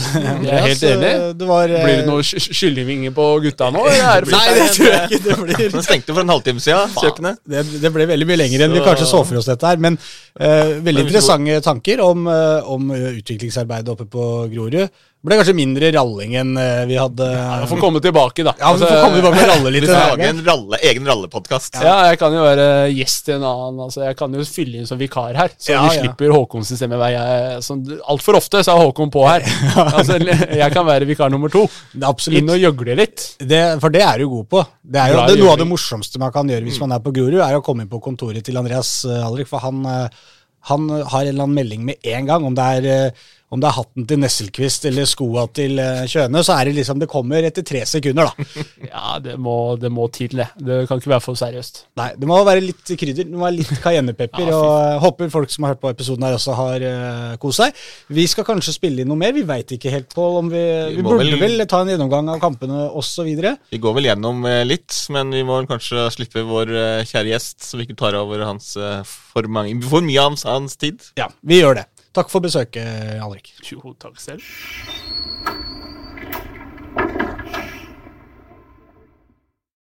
Da har vi holdt på å si det, Vi har ikke kvitta oss med Andreas Alrik, men eh, vi sendte han trygt hjem. Vi sendte han trygt ned på Gaza grill, eller hvor han skulle spise nå, med nok et uh, kjøkkentips fra Alrik. Hyggelig prat. Uh, interessant Uh, og lang. Eh, så vi skal prøve å være litt, eh, litt korte og effektive nå når vi skal prøve å eh, oppsummere litt av hva som har skjedd eh, i eh, Oslo-fotballen siste uka. Det er jo fremdeles treningskamper som, eh, som sparkes rundt omkring. Eh, hvor vil du begynne, Pål? Det er du som er vår eh, mannen med oppsettet, mannen med tallene. Nei, vi kan vel kanskje begynne vet ikke, kronologisk og begynne å jobbe oss fra, det vi var med forrige gang. Det var vel onsdag. Og da Vålerenga spilte jo forrige onsdag mot Raufoss. Hei! Way. Det var ikke noe way for første kvarter, i hvert fall. Fordi det er kanskje det dårligste Vålerenga har levert noensinne. Noensinne? Noensinne? Ok. Lå det under 5-0, da, eller? Nei, altså, de lå jo under Nei, de, de slapp inn eh, mål eh, eh, etter to minutter på uh, straffe. Eh, fryktelig brudd, brudd på Det var vel Fredrik Olrup Jensen, så vidt jeg husker, som hadde, ble pressa til å gi en feilpasning. Og så var det bare gjennomspill, og så var det en spiller som venta av uh, Brynjar Bjørnarsson som jo da kløtte ned Draufoss-spiss. Uh, så det ble straffe. Ja. Det, var, altså, det hang ikke med. Det var fryktelig svakt de første kvarter 20 minuttene. Uh, og etter altså, 20 minutter så skårte jo Sidi Jatta. Kjempe, kjempemål. Eh, innlegg eh, knuste alle i hodeduell. Altså var sånn helt overlegen. Styrte ballen fint bort i hjørnet. Kjempeskåring av Ayata, som har tatt det store steget, altså i år spesielt i boksen. Har vært veldig god. Skårte lignende mål mot, mot Sarpsborg. Så Ja. det blir spennende å se om han, eh, han er det greier å å gjøre det i serien, da. ja, ja, det er akkurat det. Eh, om han, fordi nå har de jo fått inn Altså, de har jo Torgeir Børven der fra før. Ja. Og de har fått inn liksom den nye vinen, hvis du kaller den det, som vi snakka om her tidligere med Alrek, Ja. i Vitinho. Ja. Så da liksom å se at, at Jatta faktisk også skal bite fra seg. At han da liksom ikke eh, Nå er det Altså, nå skal jeg bare legge meg ned og, og ikke kjempe om den spissplassen. Mm. Så, så det er godt å se at han liksom også tar seg og utvikler seg. Ja. Ehm, så, og de eh, Mohammed Ofkir eh, avgjorde for, uh, for Vålerenga um, like etter det, med, med sitt første mål for, eh, på Intility for Vålerenga. Andre gang hadde de full kontroll. Andre gang så var det nesten powerplay. Det var litt sånn du forventa egentlig hele kampen skulle være. Ja. Men det var liksom første gang relativt jevnt. Vålerenga tok jo over på slutten. Andre gang fullstendig overkjøring. Og da kunne de jo skåret nesten hvor mange mål som helst. Men de greide jo ikke å skåre noen etter pause. Så 1-1, da. Så det ble 2-1. ja. 2-1. Ja, Ofker skårte jo Ja, det var det etter en halvtime. Ja. Eller 1-2, eller hvordan det blir. Ja, Hvor spilte eh, de? De spilte på Intility. Ja, så 2-1. Så Jeg var jo på ferie hele forrige uke, så jeg er jo helt eh, Jeg er jo ikke oppdatert. eh, Nei, nei, nei, det- Men det er godt å ha deg, Pål. Ja, dra på ferie, det kan du ikke gjøre. Nei, det, Det- nå når det er treningskamper. Nei, nei, nei. Hallo. Eh, nei, det som var det, det Eller det som var Altså, alle Det var ganske mange folk som hadde tatt turen, fordi det var jo første kampen på, på Intility forrige året. Ja. Og det var jo i vinterferien. Så, så det var eh, gratis inngang og sånn. Så det var ganske mange som hadde møtt opp. Uh, alle kom jo dit for å se Vitinho få sin Vålerenga-debut. Og det fikk de ikke. Nei. Uh, se. Fordi uh, han drev og trente, eller varma opp litt for seg selv på, på slutten av andre gang der, men kom aldri inn, og det var jo Grunnen til det var jo at de hadde ikke fått forsikringspapirene i orden. Nei. Eh, og derfor turte de ikke la han spille, rett og slett. Fordi ja, hadde det skjedd noe da, så hadde du jo vært fucked alle mann. Ja. Så da blir det i stedet Vitinho-debut nå på fredag. Da de møter Brann. Ja, det blir spennende. Eh, Brann har vært, spennende. Brann har eh, vært kjempegode i oppkjøringen. Ja. Så, så ja, det er liksom mye du kan si om lagoppkjøringen. Men kanskje det laget som egentlig har sett bra ut i alle kampene, det er Brann. Ja. Brann har sett veldig bra ut. Så, så det blir, det blir uh, spennende. Uh. Eh, 14.30 er den kampen på, på fredag. Da, det er også på inntillit. Ja. Så da er det gode muligheter for å se Vitinho få sine første minutter. Fikk vi se noen andre spennende Var det noen andre spillere som utmarka seg noe her, da? Spilte Kiel Olsen, for eksempel? Eh, ja da, Kiel Olsen kom inn på etter, etter hvilen. Uh, og da hadde han Altså Raufoss var nesten ikke over midtbanen. Nei. Så han, han hadde ikke så mye å gjøre. Nei. det var liksom, Jeg, jeg snakka med han eh, om det eh, etterpå. Det er liksom Hva faen skal jeg gi deg i børskarakter? Du står der og ikke gjør noe som helst i 45 minutter. Slår noen greie Ja. sånne sju-åtte meters pasninger, sikkert. Og... Ja. Og det var liksom trille litt ballen fra hans vei, spille ballen framover. Og det er det. Men så... hvis Bjarnason lagde straffespark og Kiel Olsen ikke gjorde noe gærent, så var det jo et halvt poeng kanskje da til Kiel Ja, Olsen. ja, ja. Det var i hvert fall med å spille en god omgang, da. Ja, ja, ja, altså, han fikk jo fem, da. Ja. Som er det vanlige. Når du liksom kommer utpå, ikke gjør noe feil, ikke gjør noe vi ikke bemerker deg. Nei. Fem er helt midt på. Ja. Så det var ikke så vanskelig å sette karakter, egentlig. da. Nei, nei, det var jo ikke det, liksom. Men, men det er jo litt kjedelig sånn hvis du skal Altså, hvis det blir for mye av sånt. Ja. Fordi Forsvaret eh, Er du stopper, liksom, så, så har du ikke så store muligheter. Er du back, så kan du liksom påvirke kampen ja, litt mer offensivt. Hvis du er anonym eh, i en god eh, offensiv omgang som back, Ja. så er jo ikke det noe godt tegn, på en måte. Nei. Nei, jeg skjønner. Så Det er bra, det, det, men uh, han skal nok få litt å bryne seg på når sesongen starter, tenker jeg. Litt Ja mer. da, det, det, skal han altså. Så nei, det, det blir, blir spennende. Denne Håkan spilte jo en omgang igjen, den nye øvelsen fra, fra Finland. Litt bedre nå enn forrige kamp, eh, mot Moss, da han ikke var spesielt god. Men eh, han Er fortsatt ikke Norges beste en mot én.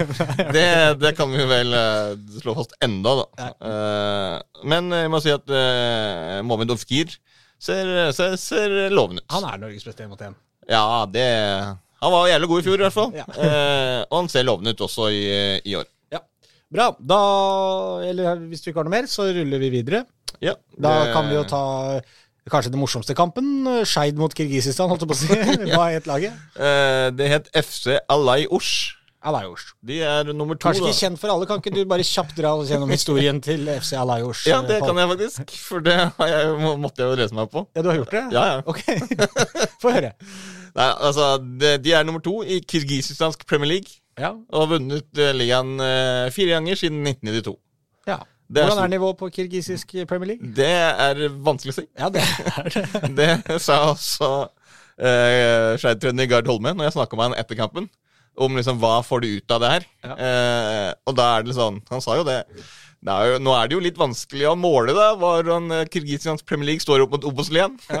og det kan jeg jo skjønne. Det er jo ikke akkurat den ligaen eh, folk flest ser mest på. Kirgisistansk Premier League. Nei, ikke at vi sitter på noe tall, men det er vill gjetning. Som antar det er ganske riktig. Men uh, hva ble stillinga?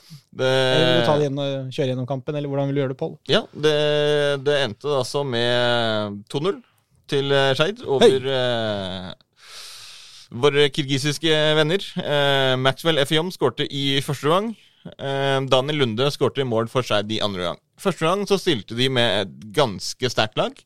Ganske nærme eh, det du vil forvente å se i en førsteelver. Ja. Mens de etter pause stort sett bytta ut hele laget og spilte med eh, veldig mye yngre lag.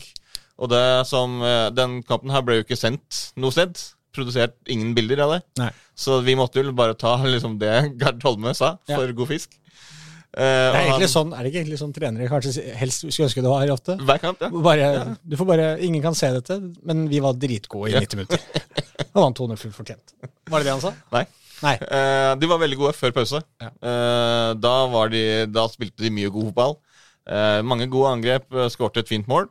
Etter pause så slet de mye mer. Eh, da hadde de et veldig ungt lag, og det blir pressa mye mer bakover på banen. Og da var det mer kontringer som, som Skeid måtte komme på. Så jeg hadde to-tre kontringer i løpet av den omgangen, og skårte på en av de. Ja, men, Men da, da fikk de møte seg både på etablert Ja. angrep og kontringsspill, da. Ja, eh, Men han sa jo at altså, første gang fortjente vi å lede, andre gang fortjente vi å tape. Ja. Så Godt gjort å vinne begge, da. Ja, så, så det, var, det var bra. Det som var veldig spesielt positivt, er jo at de fikk gitt uh, minutter til Markus Melkjord.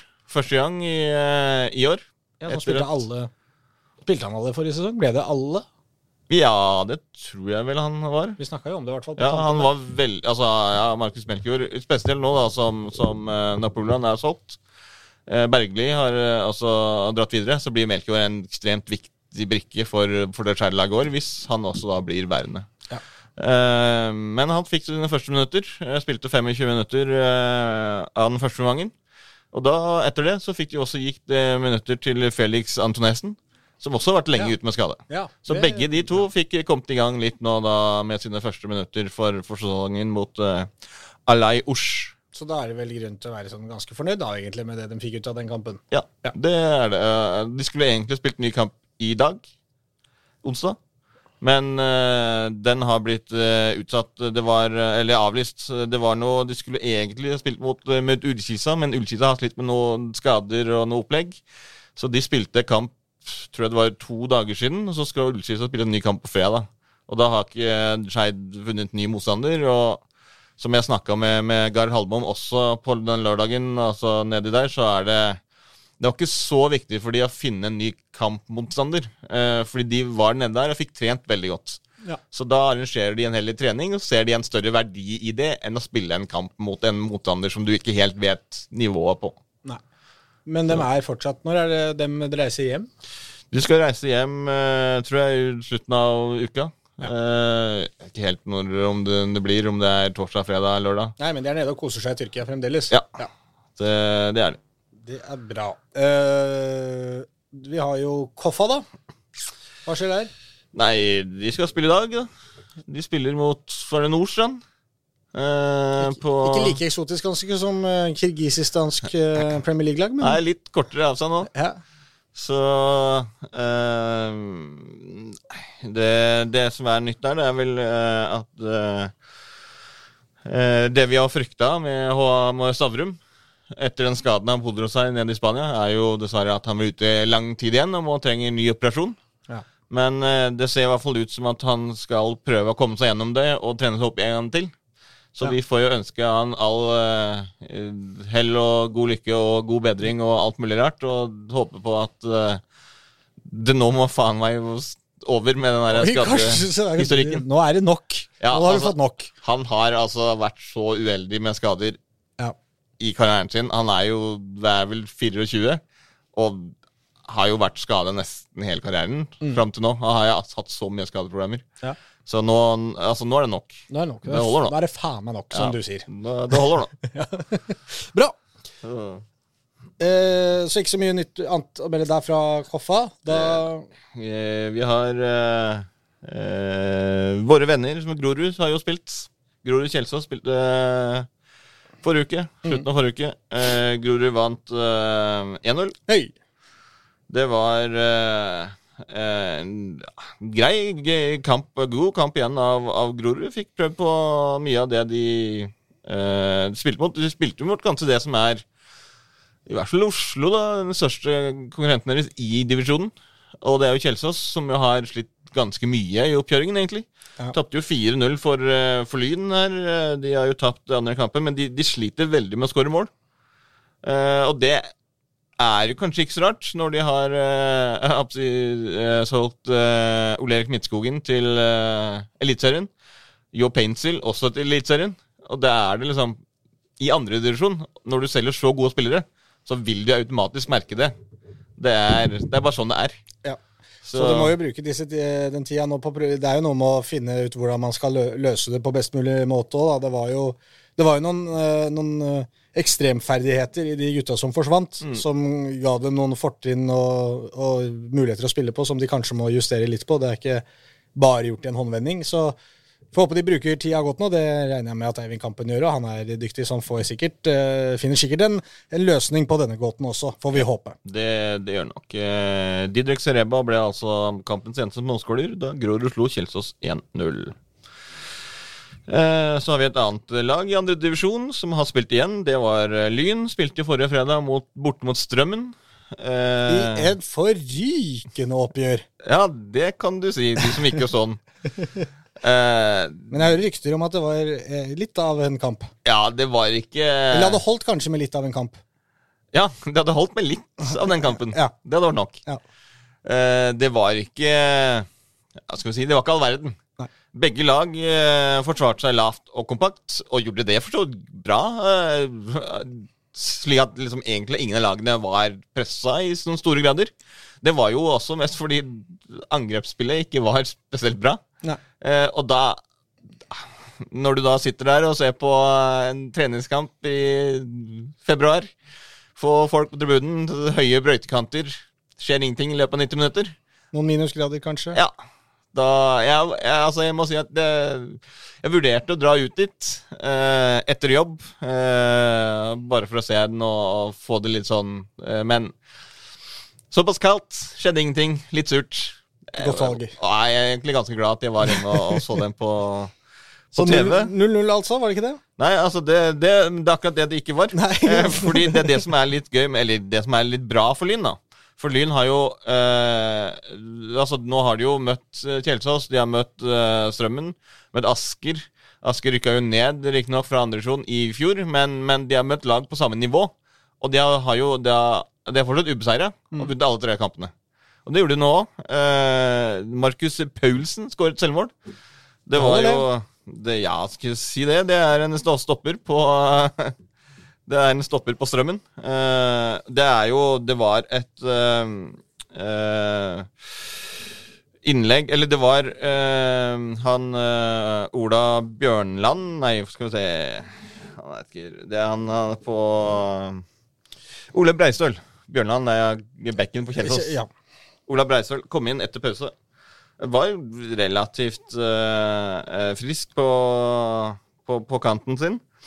Uh, det han da uh, Det var altså forsvarsspiller som støta opp mot han. Altså, da kom det han imot, og så fikk uh, Breistøl spilt ballen videre. Slik at uh, bekken da kom uh, Altså fikk en autostrada mot mål. Så da uh, Herman Soberling Nilsen var det da som hadde nesten en hel banehalvdel for seg selv. Fordi han hadde jo spilt av presset. Mm. Eh, og når han da skulle slå inn der, så da skjøt han via ballen via han Markus Paulsen i strømmen og i mål. Ja. Og det var det eneste målet. Så eh, Det ser bra ut for Lyn. Spesielt med tanke på at de er fortsatt veldig godt solide forsvarsspill. Og så har de mange gode eh, Altså de har gode offensive krefter som gjør at de kan eh, De kan finne på, finne på ting. Det virker, virker som, jeg har litt sånn samme følelsen eh, av Lyn som jeg har av Brann, som vi snakka om i stad. Som har vært så bra i eh, oppkjøringa nå. De bare virker som de bare fortsetter på en måte der de spill, var i seriespillet forrige sesong. Mm. Og inn i treningskampene. Og det er egentlig der jeg føler Lyn er litt odd. Altså, greit, det er ikke noe flashy nødvendigvis hver gang, men de vinner, og de, de gjør det de skal. Og så er det det som er så skummelt når man gjør det, da. Som nyopprykka lag og har en god oppkjøring, så er det den første seriekampen kommer, og plutselig er det alvor. Og du får det litt i huet. Det er viktig at de klarer å styre unna det. For hvis de bare leverer det, det her, som virker som å være måte normalen til Lyn, så skal jo det være godt nok til å, til å hamle opp med de fleste lagene faktisk i ligaen. I hvert fall per dags dato. Ja, ja, og det er akkurat det Jan Haller Halvorsen har den rutinen Mm. som skal til. Så, jeg, så det, det tror jeg de, de skal klare. Fordi han, han, han har spredd en, en ro, en trygghet og en erfaring i, i, en, i en sånn gruppe med ganske mange unge spillere som gjerne ikke har vært på det nivået tidligere. Mm. Og så har du jo fortsatt da igjen eh, både Iba Lajab og David Tovakoli som er der, som også er, er gode bærebjelker å ha i, i akkurat sånne situasjoner. da. Ja. Så Og spesielt kanskje hvis den første kampen, hvis man taper, da, eksempel. Ja. Så, så er det noe med at da, da er det veldig fort gjort at eh, det blir mental kamp. Mm. Ok, Så, så det, nei, det blir, eh, det blir interessant. det blir veldig interessant. Uh, ja, det er vel uh, Trenger vi ikke kanskje gå med så mye. Uh, Lyn og Vålerenga sitt damelag er begge på uh, Marbella eh, i disse dager. Eh, der er det altså Vålerenga-Brann. Det er eh, 6. mars, deres eneste treningskamp på den nåværende oppholdet. Ja. Mens uh, Lyn da skal møte Avaldsnes 7. mars. Uh, 7. og 7. ja. Ja. Uh, Lyn spilte treningskamp mot LSK Kvinner eh, lørdag, tror jeg det var. Og den, den tapte 2-1 i det. Ja, ja, man kan vi- ikke vinne hver gang. Nei, så har vi nevnt det også. Eh, ja, da er det vel eh, Kan jo ta inn at eh, Kjelsås har signert eh, Simen Olafsen. Ja. Eh, har spilt i, i Strømmen. Han fikk én kamp uh, En liakamp for uh, Vålerenga mot nettopp Brann tilbake i 2014, var det vel. Uh, og nå er han tilbake da i Oslo-fotballen og skal spille stopper for Kjelsås, som fikk Henning Vassdal skada med en stygg kneskade mot Lyn her tidligere i oppkjøringen. Men det høres bra ut, det, Pål. Ja, da tror jeg vi har vært igjennom det aller meste. I hvert fall det som vi har fått med oss. Da er dere oppdatert eh, der ute, folkens. Det ble en lang episode, men eh, nå tror jeg faktisk vi runder av. Vi må spise litt, tror jeg. Det hadde vært lurt. Vi skal i hvert fall gjøre noe annet, men takk for at dere hørte på. Og så er vi vel tilbake igjen eh, neste uke, er vi ikke det, Pål? Jo, prøver å satse på det. Sats på det. Ja. Ha det. Ha det godt.